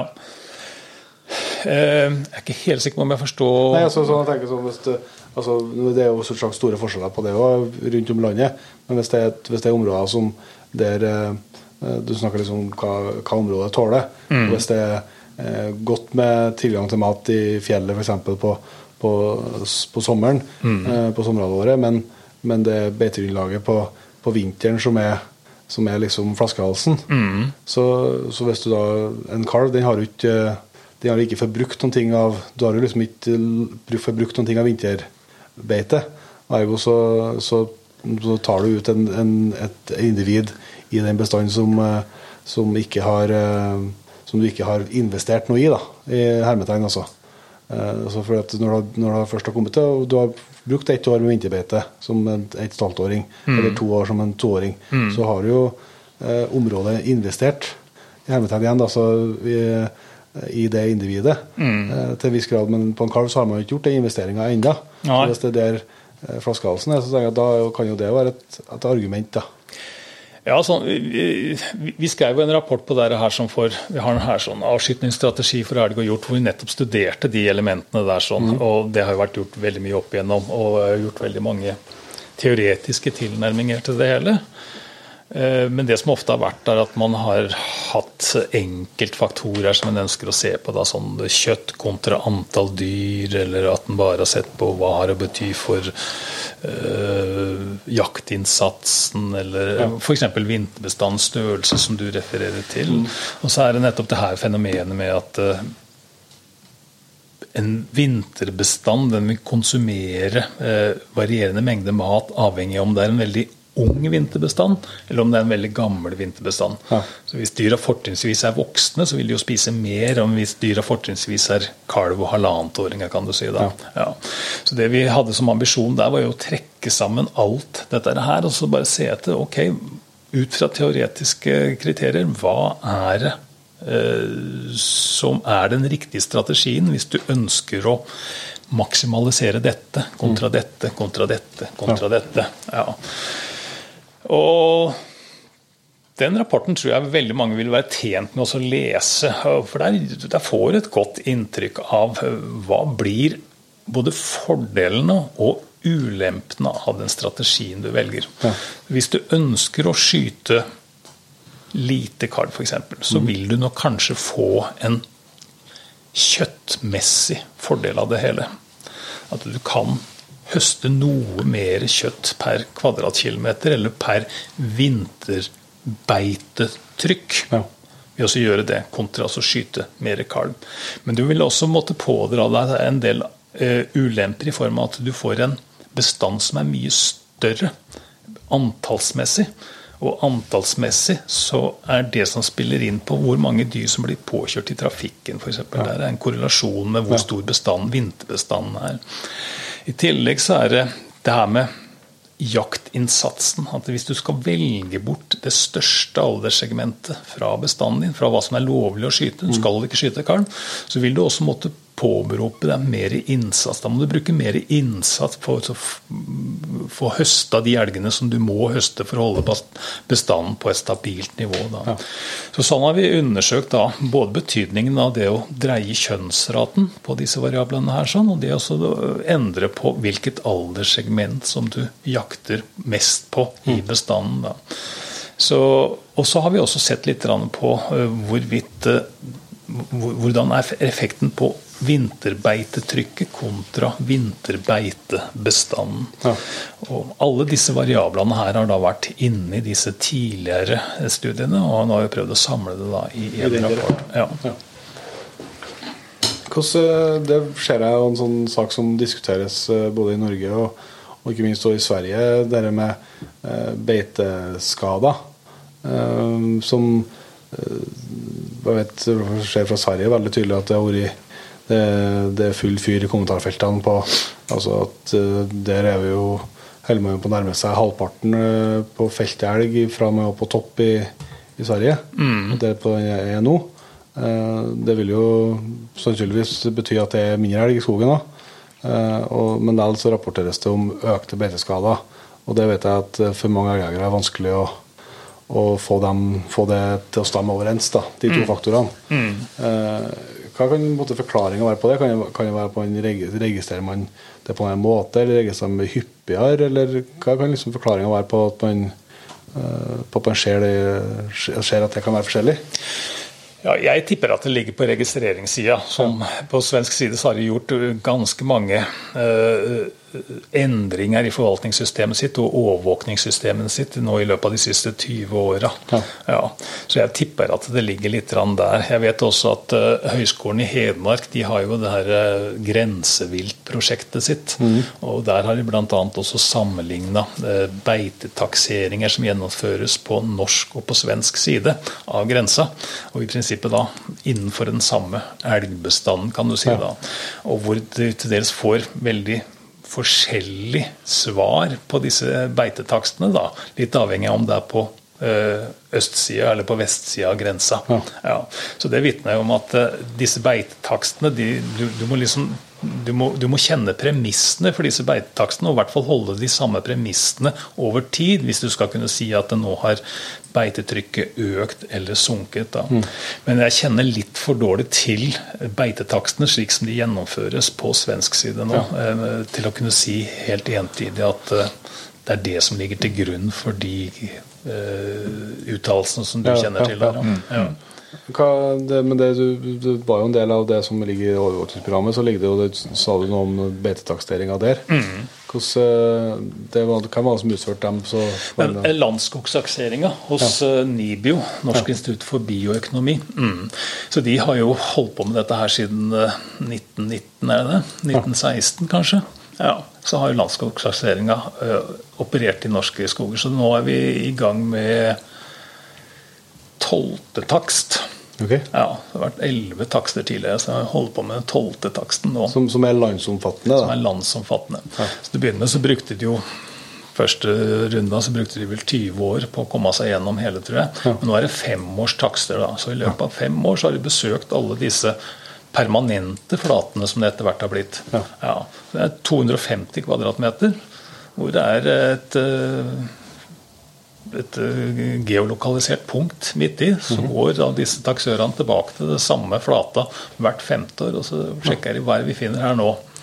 Og Da kan de også registrere hva elgbeite vært her sånn, eller beite fra hjortedyr vært her sånn nå i løpet av de siste fem åra. Og hva slags beiteplanter er tilgjengelig, tilgjengelig for elgen og hjorten på denne flata her nå. Og totalt sett så har de vel 22 000 flater, tror jeg, fordelt over landet. Men hvorav kanskje noe sånt noe som 14 000 befinner seg innenfor det som vi liksom ser for oss som de skoglevende hjortedyras arealer. Da. Ja. Ja. Så vi tar tak i disse 14 000 flatene, og så bare ser vi på hvordan er utviklinga på regionalt nivå. Sånn, det, er 14 000 er mye, men når du skal liksom ta den ned på fordele- kommunenivå, så kan det fort bli litt for få. Men på regionalt nivå, som liksom er den gamle fylkesstrukturen vi hadde, så kan du se utviklinga over tid. Da. Ja. Ja. Du kan sammenligne fylker med hverandre. Så vi legger det da i bunnen av modellene våre, nå hvor vi også studerer forskjellene på slaktevekter og rekrutteringsrate mellom områder og sånt noe. Ja.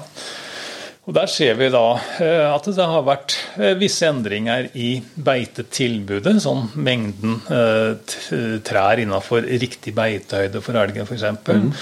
Arealet av blåbærlyng og sånt noe. Og i beitetrykket, som er da en eh,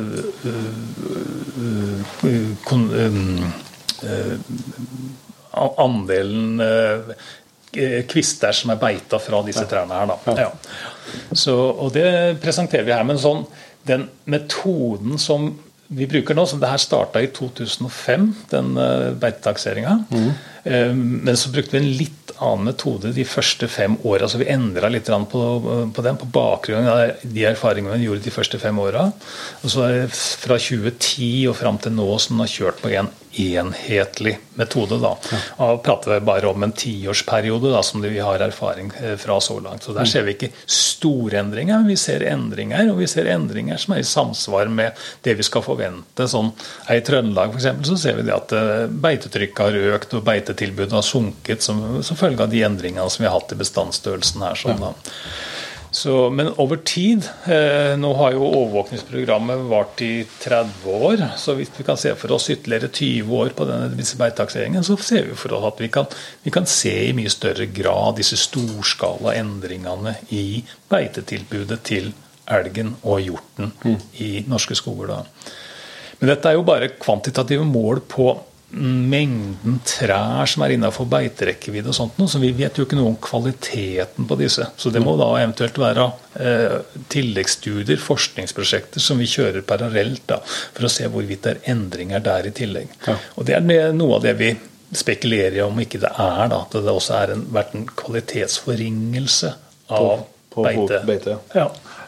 Vi har jo snakka mye elg, eh, selvsagt. Vi har jo snakka om hjortevilt, da, men, men vi har hatt kanskje litt tyngde på elgen. da, Men for eh, hjorten, hvordan eh, altså, sånn, Det jeg ser av statistikken i stort, så, så går det jo i motsatt retning, i hvert fall i antall der, da, i, mot elgen. Det er jo, det er jo Hvis jeg kommer på rett, så tror jeg det var i 2013 at de kurvene på fellingstall kryssa hverandre. Altså at det ble skutt mer hjort enn elg. Riktig. Og nå er vi jo nesten ikke Det er, er jo hele på nærme oss dobbelt så mye. Ja.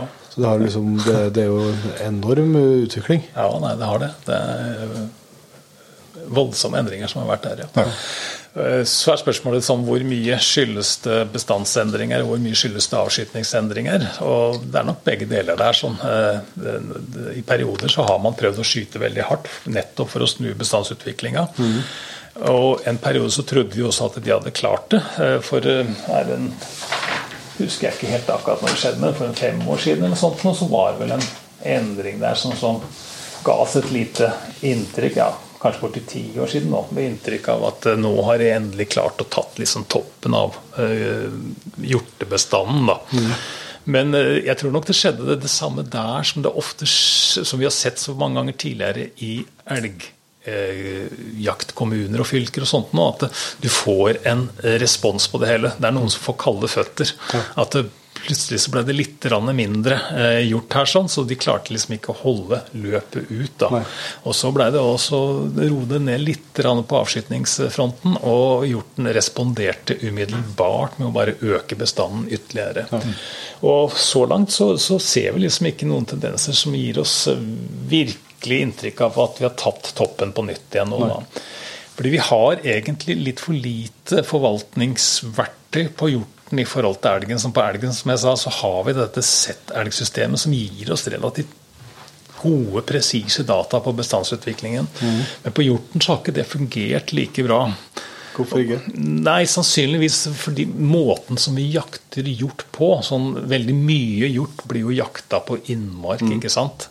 Og til å begynne med så hadde vi jo ikke engang eh, skilt innmark- og utmarksjakt på hjort. Nei.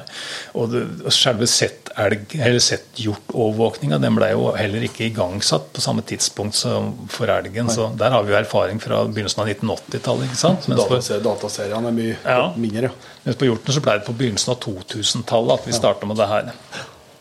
Eh, Men så skilte vi ikke mellom innmark og utmarksjakt, og det blei bare kluss. Men så kunne vi begynne å skille på innmarks- og utmarksjakt.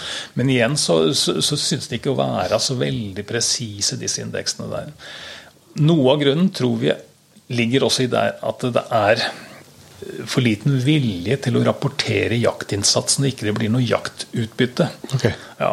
Når vi er på elgjakt, så er jo ikke det helt uvanlig at vi også opplever at ikke vi skyter en elg. Det kan være at ikke vi ser en elg heller. Men likevel så, så rapporterer vi eh, at vi var på jakt. Trad- tradisjon, liksom, ja. Ja, og fordi vi gjerne jakter hele dagen når vi først er på, på elgjakt.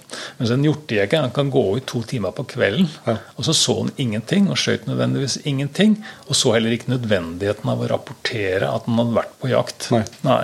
Men det blir en underrapportering som kan ha veldig stor effekt på disse indeksene.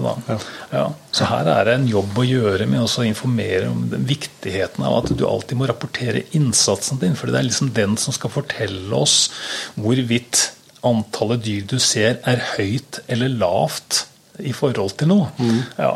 Og det er innsatsen som er den, det forholdstallet som du skal skalere det mot. Da. Ja. Så eh, som sagt, elgobsten er nok den som er den sikreste her. sånn. Men det vi bruker på hjorten da, i større grad, det er, det er eh, påkjørselsfrekvensen. Ja. Som også blir et litt sånn uavhengig bilde. Ja. Det ser vi veldig tydelig på elgen. så ser vi det at det, sånn Overall så følger liksom antallet dyr som blir påkjørt i trafikken, og sånt, og den følger utviklinga i avskytinga og i Z-elgindeksene våre. Så er det enkelte år som er sånn snørike år, som vi ser at det blir litt høyere, og det motsatte i snøfattige år. Men det kan vi kontrollere litt for. Og På hjorten så er det litt tilsvarende, men hjorten blir påkjørt i mindre grad enn det elgen gjør. Så vi har litt lavere tall å jobbe med. Og når tallene blir små, så blir usikkerheten stor, så, så vi sliter litt der.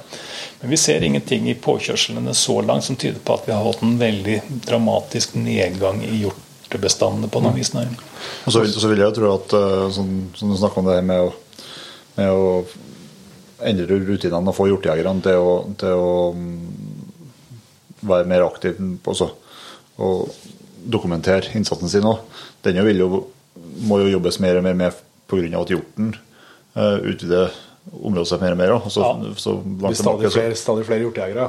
Ja, ja, for, ja, for at eh, hjorten ekspanderer seg og utnytter stadig større områder. Det, det, er liksom ikke bare Vestlandet. Nå, så nå er det jo store bestander på, på Østlandet og Sørlandet og Gudbrandsdalen og alt i hop. Ja da, helt enig. Så det, det, det, er jo stadig flere hjortejegere som ikke var hjortejegere før. Det blir veldig viktig å få til gode overvåkningsrutiner og utvikle gode eh, forvaltningsverktøy kan du si da, som, mm. som en kan bruke framover.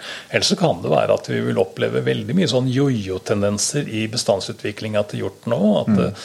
Eh, vi overhøster når vi har intensjon om å redusere, så klarer vi liksom ikke stoppe i tide. Og det motsatte, at uh, vi blir for konservative i oppgangsfaser, og så blir bestanden veldig mye høyere enn det vi hadde forventninger eller ønske om at den skulle være da. Mm.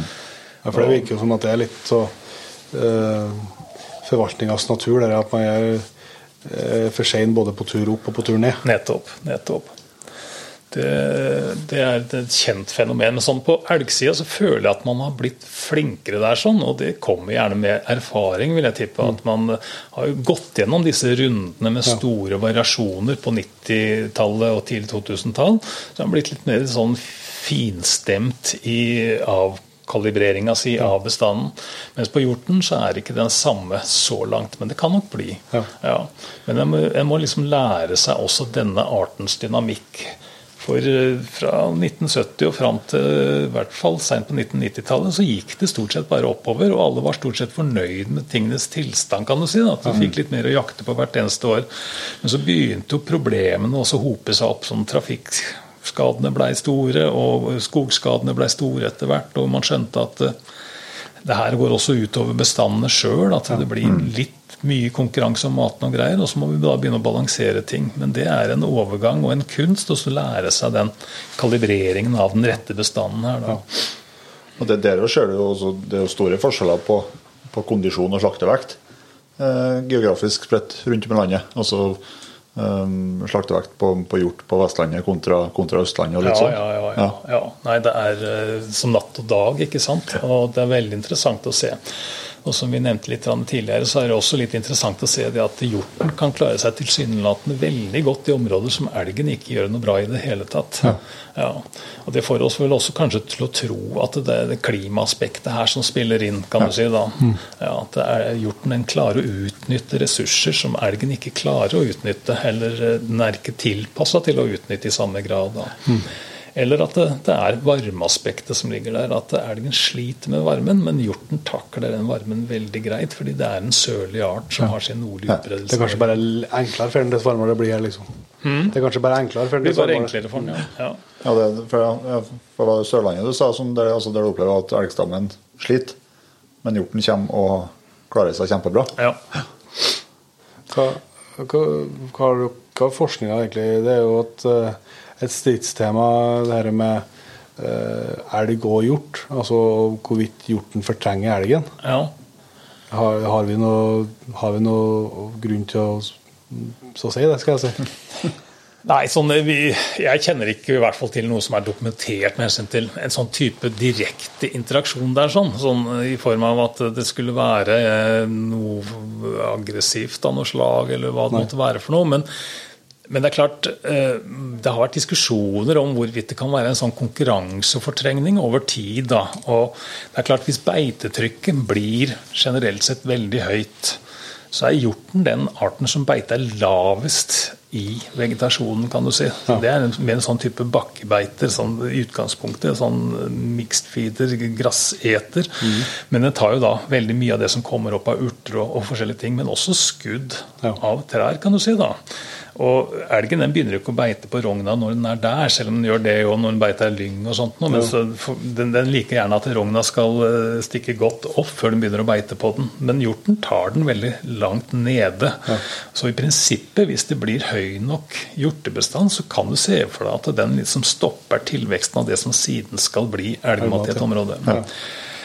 Så har det vært også spekulasjoner om det er en eller annen form for en indirekte konkurranse der med at eh, når hjorten kommer inn i områder, at de begynner å dele på en felles pool av parasitter og sykdomsagens og sånt noe, da, som ikke er til fordel for elgen. Og det har vært et lite paradoks at i de områdene som får hjort, så synker vekter og rekrutteringsrater eh, på elgen Ja. Seinere. Vi nevnte Troms her i stad. ikke sant? Er et område helt uten hjort. Ja, Nordlig Nordland er et helt område helt uten hjort. Sørlige deler av Nordland er et område som har fått inn hjort. Og det er de siste åra liksom, du har fått opp litt hjortbestander. Nei, da begynner du å se liksom, nedgangen i kalvevekter og rekrutteringsrater hos elgen. der sånn. Tilsvarende den østlige delen av Sørøst-Norge er den som har klart seg best med hensyn til slaktvekter og rekrutteringsrate. Men der har du fått en veldig reduksjon nå i begge deler nå de siste åra. Det er de siste områdene på Østlandet som liksom har fått inn hjorten eh, fullt, kan du si. da. Eh, Men alt dette her er jo bare en korrelasjon. Så, og det, egentlig kan det være den samme bakenforliggende årsaken som ligger til grunn for det hele. ikke sant? Nemlig klimaet, at det er fordelaktig for hjorten å komme inn i disse områdene her sånn nå. fordi nå er ikke snødybden så dyp som den en gang var. Nå er ikke vinteren så streng som den en gang var. Sommeren er mer tilpassa åssen hjorten er, mens det for elgens del så har det liksom vært helt motsatt. Så Mest sannsynlig så er det den bakenforliggende klima som ligger til grunn for at de to tingene der skjer samtidig. Men det er likevel sånn at eh, vi som forskere vi tenker liksom på den muligheten nå. At er det noe hjorten bringer med seg inn i et område som er til ugunst for elgen. Det er sånn. Og da vil det være en eller annen form for en mer direkte konkurranse enn bare det at de påvirkes av de samme klimafenomenene. Da. Men eh, det, det er høyst spekulativt. Ja, men, eh, men er så, og er, jeg er ikke den eneste som nevner det. Men det er andre også som liksom ser at det her er to ting som har en tendens til å sammenfalle litt. Mm. Men mest sannsynlig så sammenfaller de som følge av at eh, de profitterer motsatt på den klimaendringa som vi har sett de siste 30 åra. Så har vi jo et hjortevilt som jeg skal ikke, skal ikke si at jeg kjenner forskninga så godt, som da, så snakker jeg om opediviten noen om. Det er ikke det er ikke så uvant med. Men eh, det er jo rådyret. Jeg synes både Det jeg ser i forskning, og likens, ikke minst i forhold til forvaltning, så blir den veldig sånn stemoderlig behandla. Ja. Altså få liten plass, da. Men, men det, er det er jo et voldsomt tallrikt hjortevilt vi har. Absolutt. Hva, hva tror du, hvorfor tror du, Hvis det stemmer det jeg sier, hvorfor tror du det er sånn? Det har vel falt litt mellom to stoler. sånn Det er et, eh, det er et stort småvilt og et lite storvilt, si, og så blir det ingen, ingen av delene. Ja. Og eh, nå skal det sies at vi har jo hatt eh, I den forrige overvåkningsperioden så fikk vi et prosjekt som går på å utrede muligheten for å overvåke bestandsutviklinga til rådyret i større grad enn tidligere. da. Fram til nå så har vi stort sett bare fulgt eh, fallviltutviklinga og avskytningsutviklinga. Så bare sett etter og, og, og hatt noen tanker om at det viser nok til dels eh, også bestandsutviklinga. Men så har vi da sett litt på muligheter for oss å gå litt nærmere inn i dette her. da. Ja. Og Det er et prosjekt som fortsetter nå i den overvåkningsperioden vi har nå. Så Vi hadde et møte senest for bare et par uker siden hvor vi satt ned flere som har med hjortevilt å gjøre i Norge, og diskuterte mulige tilnærminger til det hele. Men dette her er bare en det skal være et type forslag til hva vi kan gjøre, og kanskje noen pilotstudier for å utforske det her ytterligere, men uten at det nødvendigvis vil bli konkretisert eller finansiert en overvåkning av rådyr i framtida. Men Det syns vi jo definitivt det bør være. Og den bør være på forskjellige nivåer, sånn at eh, det kan gi lokalforvaltninga Ja, viss kunnskap om utviklinga. det er ganske mange lokalforvaltere rundt omkring som, som savner verktøy Ja. å hjelpe seg med når det kommer til rådyr. altså. Ja. Og det vi har sett på som kanskje den billigste og i første omgang i hvert fall beste løsningen, det er vel å, å bruke en eller annen form for den derre settdyrtilnærminga som vi har på hjort og elg. da. Kanskje f.eks. bruke eh, elg- og hjortejegere også som rapportører av rådyr, f.eks. For eksempel. Fordi da har vi et veldig godt system som er så veldig innarbeidende. De er så veldig vant med å gjøre den jobben der sånn eh, elgjegere f.eks. At de fyller inn både hvor mange elg har de sett, hvor mange hjort har de sett, og hvor mange rådyr kan de fylle inn potensielt. Og så får vi også se hvor, hvor mye innsats har de lagt for dagen i det der. Ja. Ja. Og En annen mulighet er at du også under rapportering til SSB eller hjorteviltregisteret, at du da også må rapportere hvor mye tid brukte du på jakt og rådyr i år.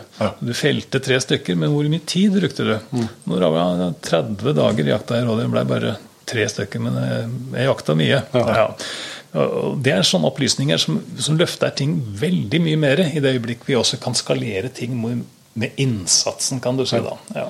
Hvordan, hvordan er det på en budsjett uh, Chat-systemet altså, som du snakka om med i Jegerindeksen. Altså for at altså, man tenker der at F.eks. på rådyr uh, så, så blir jo en del der som, som uh, på hjorten felt på innmark på sånn.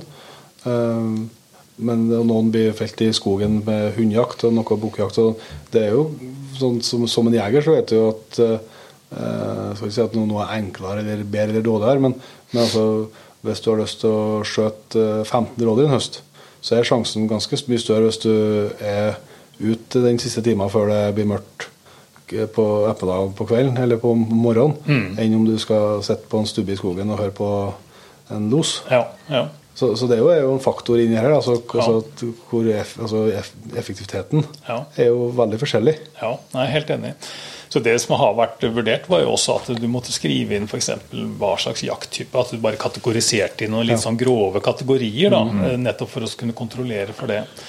Men sånn i bunnen av veldig mye av disse settdyrtilnærmingene til overvåkning, så ligger det nok også en viss grad av uh, antagelse om at jegerne alltid vil søke mot den mest effektive jakta, kan du si da. Ikke, Eh, det, det er ikke vi. Nei, jeg vet det. Og jeg mener sånn, eh, er du harejeger, så vet du det at det er mye bedre å sitte og høre på den losen enn å skyte harran. Ja, så det er jo ikke der harran blir skutt. Det blir jo skutt av noen uh, fuglejegere som tilfeldigvis stikker ut harran. Ja. Uh, og jeg, jeg ser jo for meg at uh, ildsjeler innafor enhver uh, jakt vil ofte velge bort jaktutbyttet til fordel for jaktgleden uh, i mange sammenhenger. Uh, mens jeg tror nok kanskje fortsatt at uh, i hvert fall innenfor hjorteviltjakta så, så ligger nok effektiviteten Ja, ja. tilstrekkelig til grunn til at vi kan ha det som en rimelig antakelse. Men det ville nok hjelpe jo også visst litt bedre hva slags type jakt som ble gjennomført i tillegg.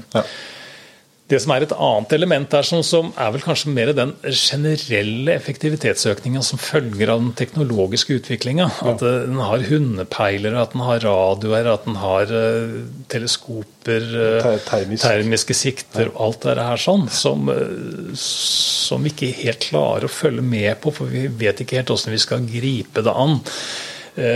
Men det er nok noe som vi må vi må ha som type tilleggsforskningsprosjekter framover, tror jeg. Bare hva som ligger i effektivitetsforbedringer av å bruke de tinga der. Ja. Og ikke minst kanskje gjøre noen undersøkelser av hvor mye blir det brukt.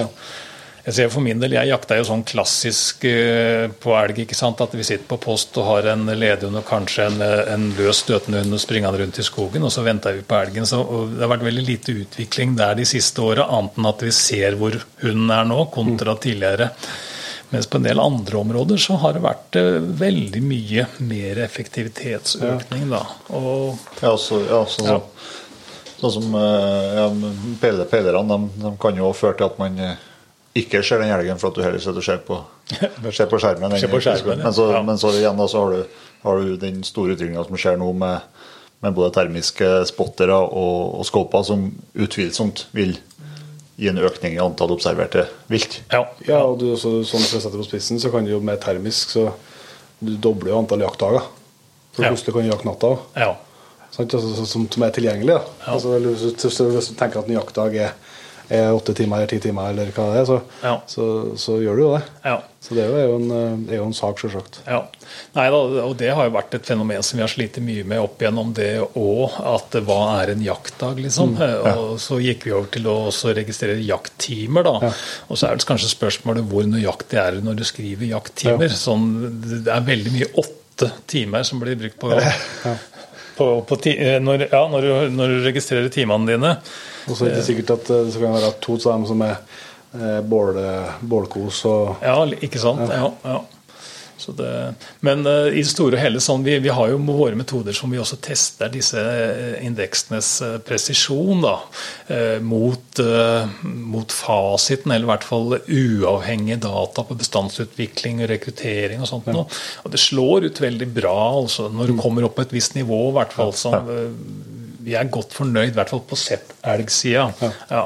Men eh, som sagt, vi gjør små endringer, selv om de oppfattes som store når vi tar de instruksendringene og sånn. Men, eh, og sånn vil det nok kanskje også være framover, at vi må gjøre noen justeringer, ikke minst som følge av den teknologiske utviklinga. Så det er en grunn til at vi gjør disse, eller kommer med de forslagene. Det er jo Miljødirektoratet som iverksetter disse eh, instruksendringene. Men de kommer gjerne som en følge av forslag fra oss eller andre som har sett en eller annen uheldig bivirkning av noe av det som gjennomføres. Men så må da Miljødirektoratet gjøre en vurdering av eh, er grunnlaget godt nok, eller begrunnelsen god nok til at vi skal ta på oss jobben og så forstyrre disse elgjegerne i deres tornerosesøvn enda en gang, liksom. Så det vil nok ta noen år nå før det blir nye endringer som påvirker elgjegere, tenker jeg. Vi skal begynne å runde av, Erling. Det har vært utrolig interessant, men eh, vi skal ikke eh, vi kan ikke stoppe all forskninga på dine. vi, må, vi må slippe deg etter hvert. også. Vi, skal, vi har litt eh, faste punkter som vi tar med oss når vi har en gjest med Jegerpodden. og Dem eh, har lyst til å, til å spørre deg om. Så Hvis du da skal komme med ditt beste jakttips, hva kommer du med da? Begynn med undervannsjakt Ja, på lyr og torsk Ja. det er artig. med, med harpun og snorkel. Ja. Ja. Det er artig, og så er det gratis, og så kan du gjøre det overalt langs kysten din. Noen ganger så er det nok mange unge mennesker som frustrerer oss litt over eh, inngangsterskelen til å Klart starte med jakt. Det. Det er dyrt, og det er vanskelig å få innpass. Og, ja. Mens her har du virkelig muligheten til å kunne utfolde deg eh, innafor rimelighetens grenser økonomisk. Og som sagt, eh, jaktmarkene er tilnærma uendelige. Mm. Ja. Det er et kjempetips. Og bra mat. Og veldig bra mat. Mm. Ja. Jeg har, jeg sett for meg at det kom, du skal være nøyaktig når du fører sitt sitt viltskjema. Vi kan godt ta det nå. Ja. Vi kan godt ta det nå. Ja. Det er nøyaktig. Eh, Vi skal gå litt, eh, litt sånn på utstyr. da. Er det noe sånn eh, konkret jaktutstyr som du, som du er veldig godt fornøyd med, som du sjelden går, går uten? Jeg prøver jo å ta med børsa da når jeg er ute, men eh, Nei, jeg er veldig lite jakt... Jeg har veldig lite utstyr som eh, Jeg prøver å redusere på mengden utstyr. Jeg syns det har blitt veldig mye tekniske duppedingser. Men eh, ja, så det er, det er ikke noe jeg kommer på nå, i hvert fall. Som Ja, da, da kan jeg ta et konkret spørsmål til deg. Når dere er på kajakkjakta, har, du- har du noe holder til hvordan sørger du for at hagla ikke Ja, nei, Jeg har laga en sånn liten rigg i tre da, som ligger framme på dekket. Ja. Og så, så Du kan ha plass til to hagler. da. Så I perioder så har vi jakta med to hagler òg. Ja. det, ja. Og det, den fungerer veldig bra. Så, og det er viktig. Og så er det Så, viktig sånn, at ikke, sånn at ikke hagla Hvis du nå skulle oppleve at du måtte ta en eh, at En du- halv- halv Eskimo-rulle. Ja, nettopp. At ikke hagla fer til båten. Ja, nei, så Alt må, må festes da, i en snor. Så det har vært perioder hvor jeg har hengt opp ned, og så ser jeg liksom eh, Det henger snorer rundt meg, da. En hagle der og en hagle der, og så kikkerten der, sånn, og så er det en pose med skudd som henger framfor meg. der. Ja. Det, Men har du, noen, eh, har du en jaktdrøm som du ikke har fått eh, leve ut ennå?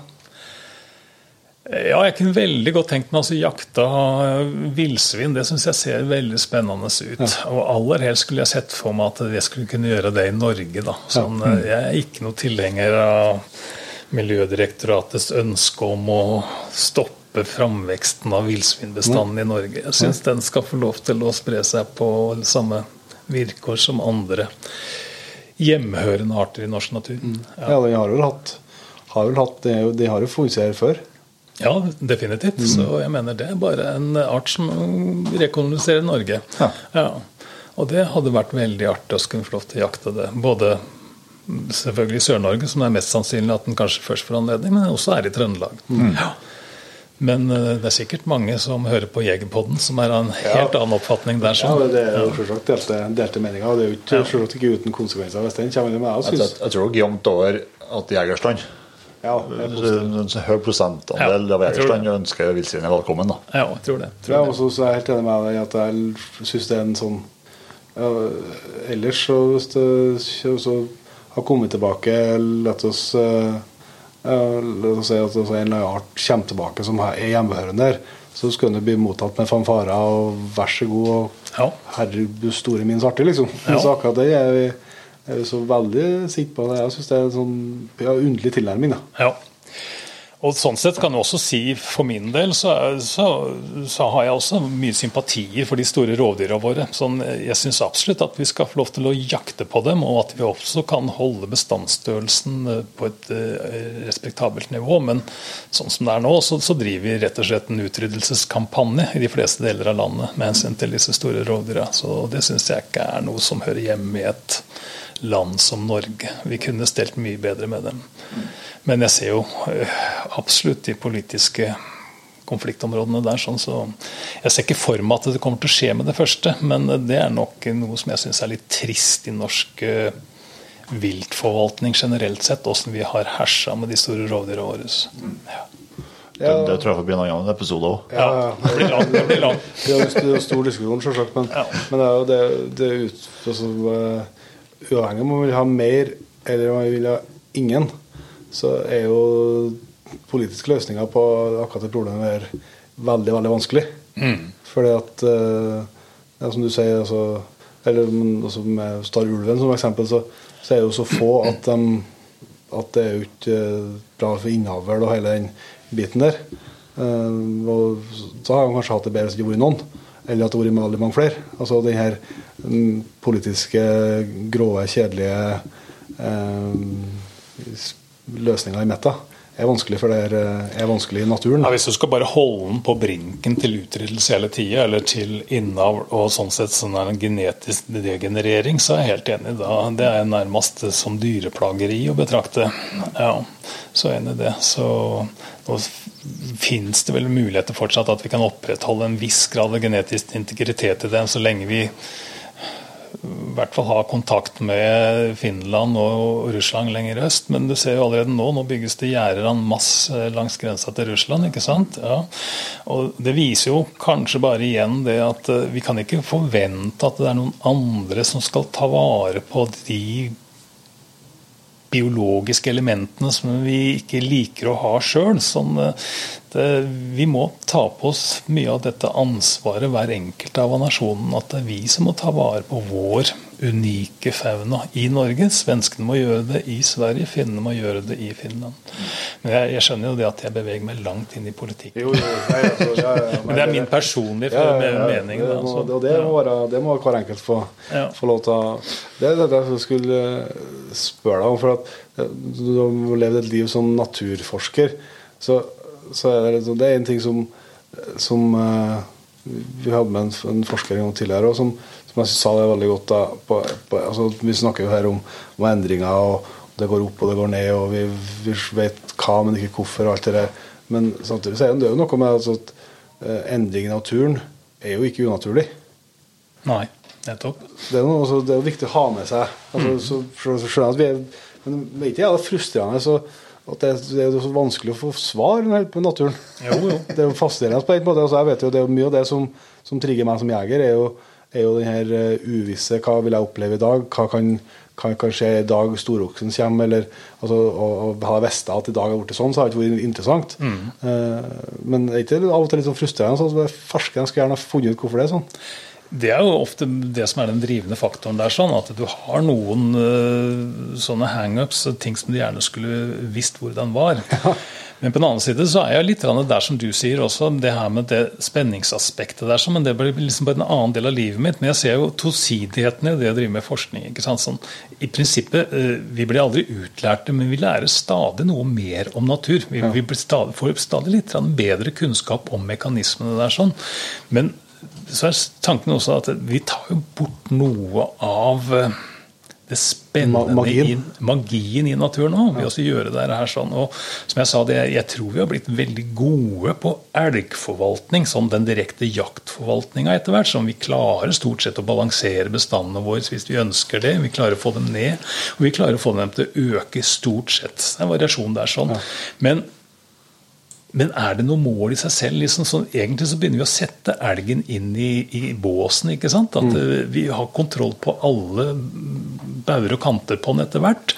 Og så blir det et dyr som egentlig tilhører villmarka, som er nærmest bare en sånn, eh, sånn skogskveg som vi driver og forvalter så veldig effektivt. Ja. Det er ikke sikkert det er noe særlig interessant på lang sikt, det heller. Kanskje er det vi mye bedre tjent med å og feile mye grovere enn det vi har gjort. da. Vi får bestander som nærmest blir utrydda enkelte ganger, eller som skyter i været og siden krasjer som følge av at de blir ja. næringsstressa og hele den pakka der. sånn. Og jeg ser for min egen del så noe av det som liksom har gitt uh, euforiske følelser noen ganger, det har jo vært det å jakte i en del bestander som har gått fra lavt til høyt nivå. Mm. Men det fordrer jo også at eh, noen ganger så må de faktisk synke, sånn at de kan starte på nytt på den turen der. sånn. Jeg har jakta på Hardangervidda i perioder hvor det har vært grenseløst mye villrein der nede, og du har hatt veldig store kvoter, og du har springet rundt og virkelig fått lov til å leve ut guttedrømmen din. Ja. altså Skyte mye rein og, og, bære tungt og slite og gjøre veldig mye artige jaktting. Og tilsvarende så har jeg opplevd liksom topp toppen i, i elgbestanden i Trøndelag, hvor det hoppa spratt elg overalt. Og det er veldig artig, men det, vi vet jo innforstått med at det, det kan ikke være sånn hele tida. Men det kan være sånn i perioder. Men hvis vi blir veldig flinke til å forvalte elg og rein, så vil vi bare ha en sånn flat bestand som vi vet at vi skal skyte de fem elgene der sånn til høsten. Det er det vi får.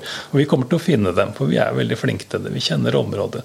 Og bestanden er like stor som den var i fjor. Det vet vi. For det har vi lært oss. Altså, Vi kan forvalte det nå. Mm. Så det er ikke noe mål i å gjøre dette systemet her som for effektivt, tror jeg. Det tar bort noe av den spenninga. Vi er der ute i den troa at vi jakter i villmark, og at ikke vi ikke har kontroll på alle premissene her. sånn. Og sånn syns jeg det bør være litt også framover. Mm. Veldig bra. Vi runder helst av Erling, med jakthistorie eller et jaktminne fra våre, våre kjære gjester. Vi skal utfordre deg på, på slutten der. Jeg vet at det ikke er så enkelt å komme på når du blir kasta utpå, men det kan jo være første eller største eller rareste eller Nei, jeg kommer ikke på noe. Tyngste bør på Villreinfjellet? Ja, det var på Dovrefjell i 1993. Ja. Den, den kom fort. Ja. ja, men da husker jeg da svikta knærne mine. Ja. Hva, Nei, det var ikke Jeg hadde skutt en simle og en kalv, mener jeg husker. Ja. Men det er litt det at uh, du du har litt for stor tro på egne krefter når du er ung. Ja. Det, det, er lurt å gå to ganger? Det er lurt å gå to ganger, ja. ja. Men når du i prinsippet har en, eh, en sånn type halvannengangsbør, så mm. tenker du at da tar jeg alt sammen på en gang isteden. Ja. Når du skal gå tre mil, så straffer det seg til slutt. Ja. Så tung bør har jeg vært mange ganger. Har du prøvd? Ja, det har jeg prøvd. ja. Men ellers det er mange flotte jaktopplevelser, eh, definitivt. Men eh, jeg kan liksom ikke tenke Jeg, jeg, jeg er ikke noe flink til å forklare dem i den eh, innpakninga som de framsto når de ble følt. Nei. det må være ærlig sak. Ja. Nei, men du skal si Tusen takk for at du tok deg tid til en lang og god prat med oss. Det setter vi veldig stor pris på. Ja, bare hyggelig. Det var Erling Solberg, det, fra Nina. Du var jo inne på forrige, Inge, at eh, han er jo forsker, men la det gå å prate med han, det sagt. Ja, det er, vi har hatt med en del forskere opp, opp gjennom uh, i podkasten og Det, Og snakka med flere som ikke har vært med òg. ja, det har vi også. Det, det er jo litt sånn, si, litt sånn kinkig å prate med noen dem for at, for at uh, noen har et veldig sånn forskerspråk som vi eh, vanlige dødelige jegere ikke helt forstår. Og så er det noen som er veldig på at de ikke vil si noen ting før at man har det helt konkret, klart og tydelig i analysene sine, i forskninga.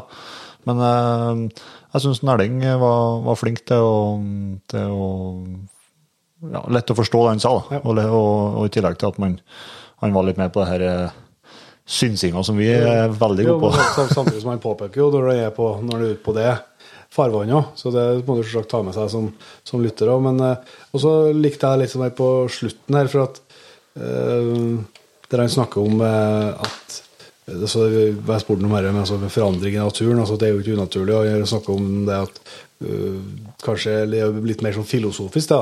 Men kanskje er det ikke bra hvis vi blir for gode til å forvalte naturen heller. Eh, kanskje skal det få gå opp og ned. og, og, og det kjente jeg litt sånn uh, umiddelbart, i hvert fall min egen litt sånn trøst i. For at jeg har jo sagt det i Jegerpodden flere ganger, at jeg på alvor er bekymra for elgen eh, i Norge og Sverige. Eh, som jeg kjenner best, da. Men samtidig, hvis det er sånn at eh, det går dårligere med elgen, skal jeg si, og i min levetid, eh, og at det går nedover og nedover og, og blir dårligere og dårligere, men at eh, du kan ha en tro og et håp om at eh, neste generasjon får oppleve store, fantastiske år igjen, Ja. så går det helt bra for meg. Det er ikke at det må være at jeg må få lov til å treffe på toppårene. Det er poenget. Det er jo, poenget er jo at eh, arten eh, er der og har gode levevilkår og kan eh, være med å berike livet til, til folk som er glad i skogen og i fjellet. Ja, det er et veldig godt poeng. Så det ble i hvert fall litt, eh, litt eh, Fikk kanskje litt trøst, om ikke annet. Men vi skal få lov til å ønske en eh, gjeng flotte folk, nyankomne folk, velkommen i jaktlaget. Ja. Så da starter vi på toppen, og så sier vi tusen hjertelig takk til Martin Bach, Tommy Mørk, Herman Lia, Roy Vinje, Sebastian Hansen, Tor Helge Eriksen, Jørgen Sonflå, Morten Bjørkli, Viktor Stenumgård, Trond Vegge, Margrethe Iversen, Ronny Pettersen, Tellef Elverum, Stian Grønlund, Thomas eh, Kvisselien, Roar Kvilvang, Asbjørn B. Remme, Kim Røne Johanna Prøve. og Ståle Randen. Tusen hjertelig takk til dere, og selvsagt til alle sammen som allerede er med å utgjøre P3-laget, som vi nå eh, ganske snart skal. Vi hadde jo en trekking i forrige uke på eh, brødjakt på hjort, og nå skal vi trekke ut eh, to P3-en som eh, får muligheten til å bli med på sammen med oss hvis de vil. Ja. Så det er stadig grunn til å bli med i jaktlaget, som vi sier. ja, det vil jeg se, absolutt si. Og sjekk eh, gjerne ut om det er P3 liker, og nettbutikken vår. eh, Der er det nyheter å få med seg. Og tid for feriepenger. Ja, ja. Bruk opp feriepenger. Jeger på nettbutikk, det må være årets tips. Eh, og så trenger vi bare gjør som vi bruker, Jon Inge, og ønsker folk eh, god helg. Og til neste gang, vi Høres.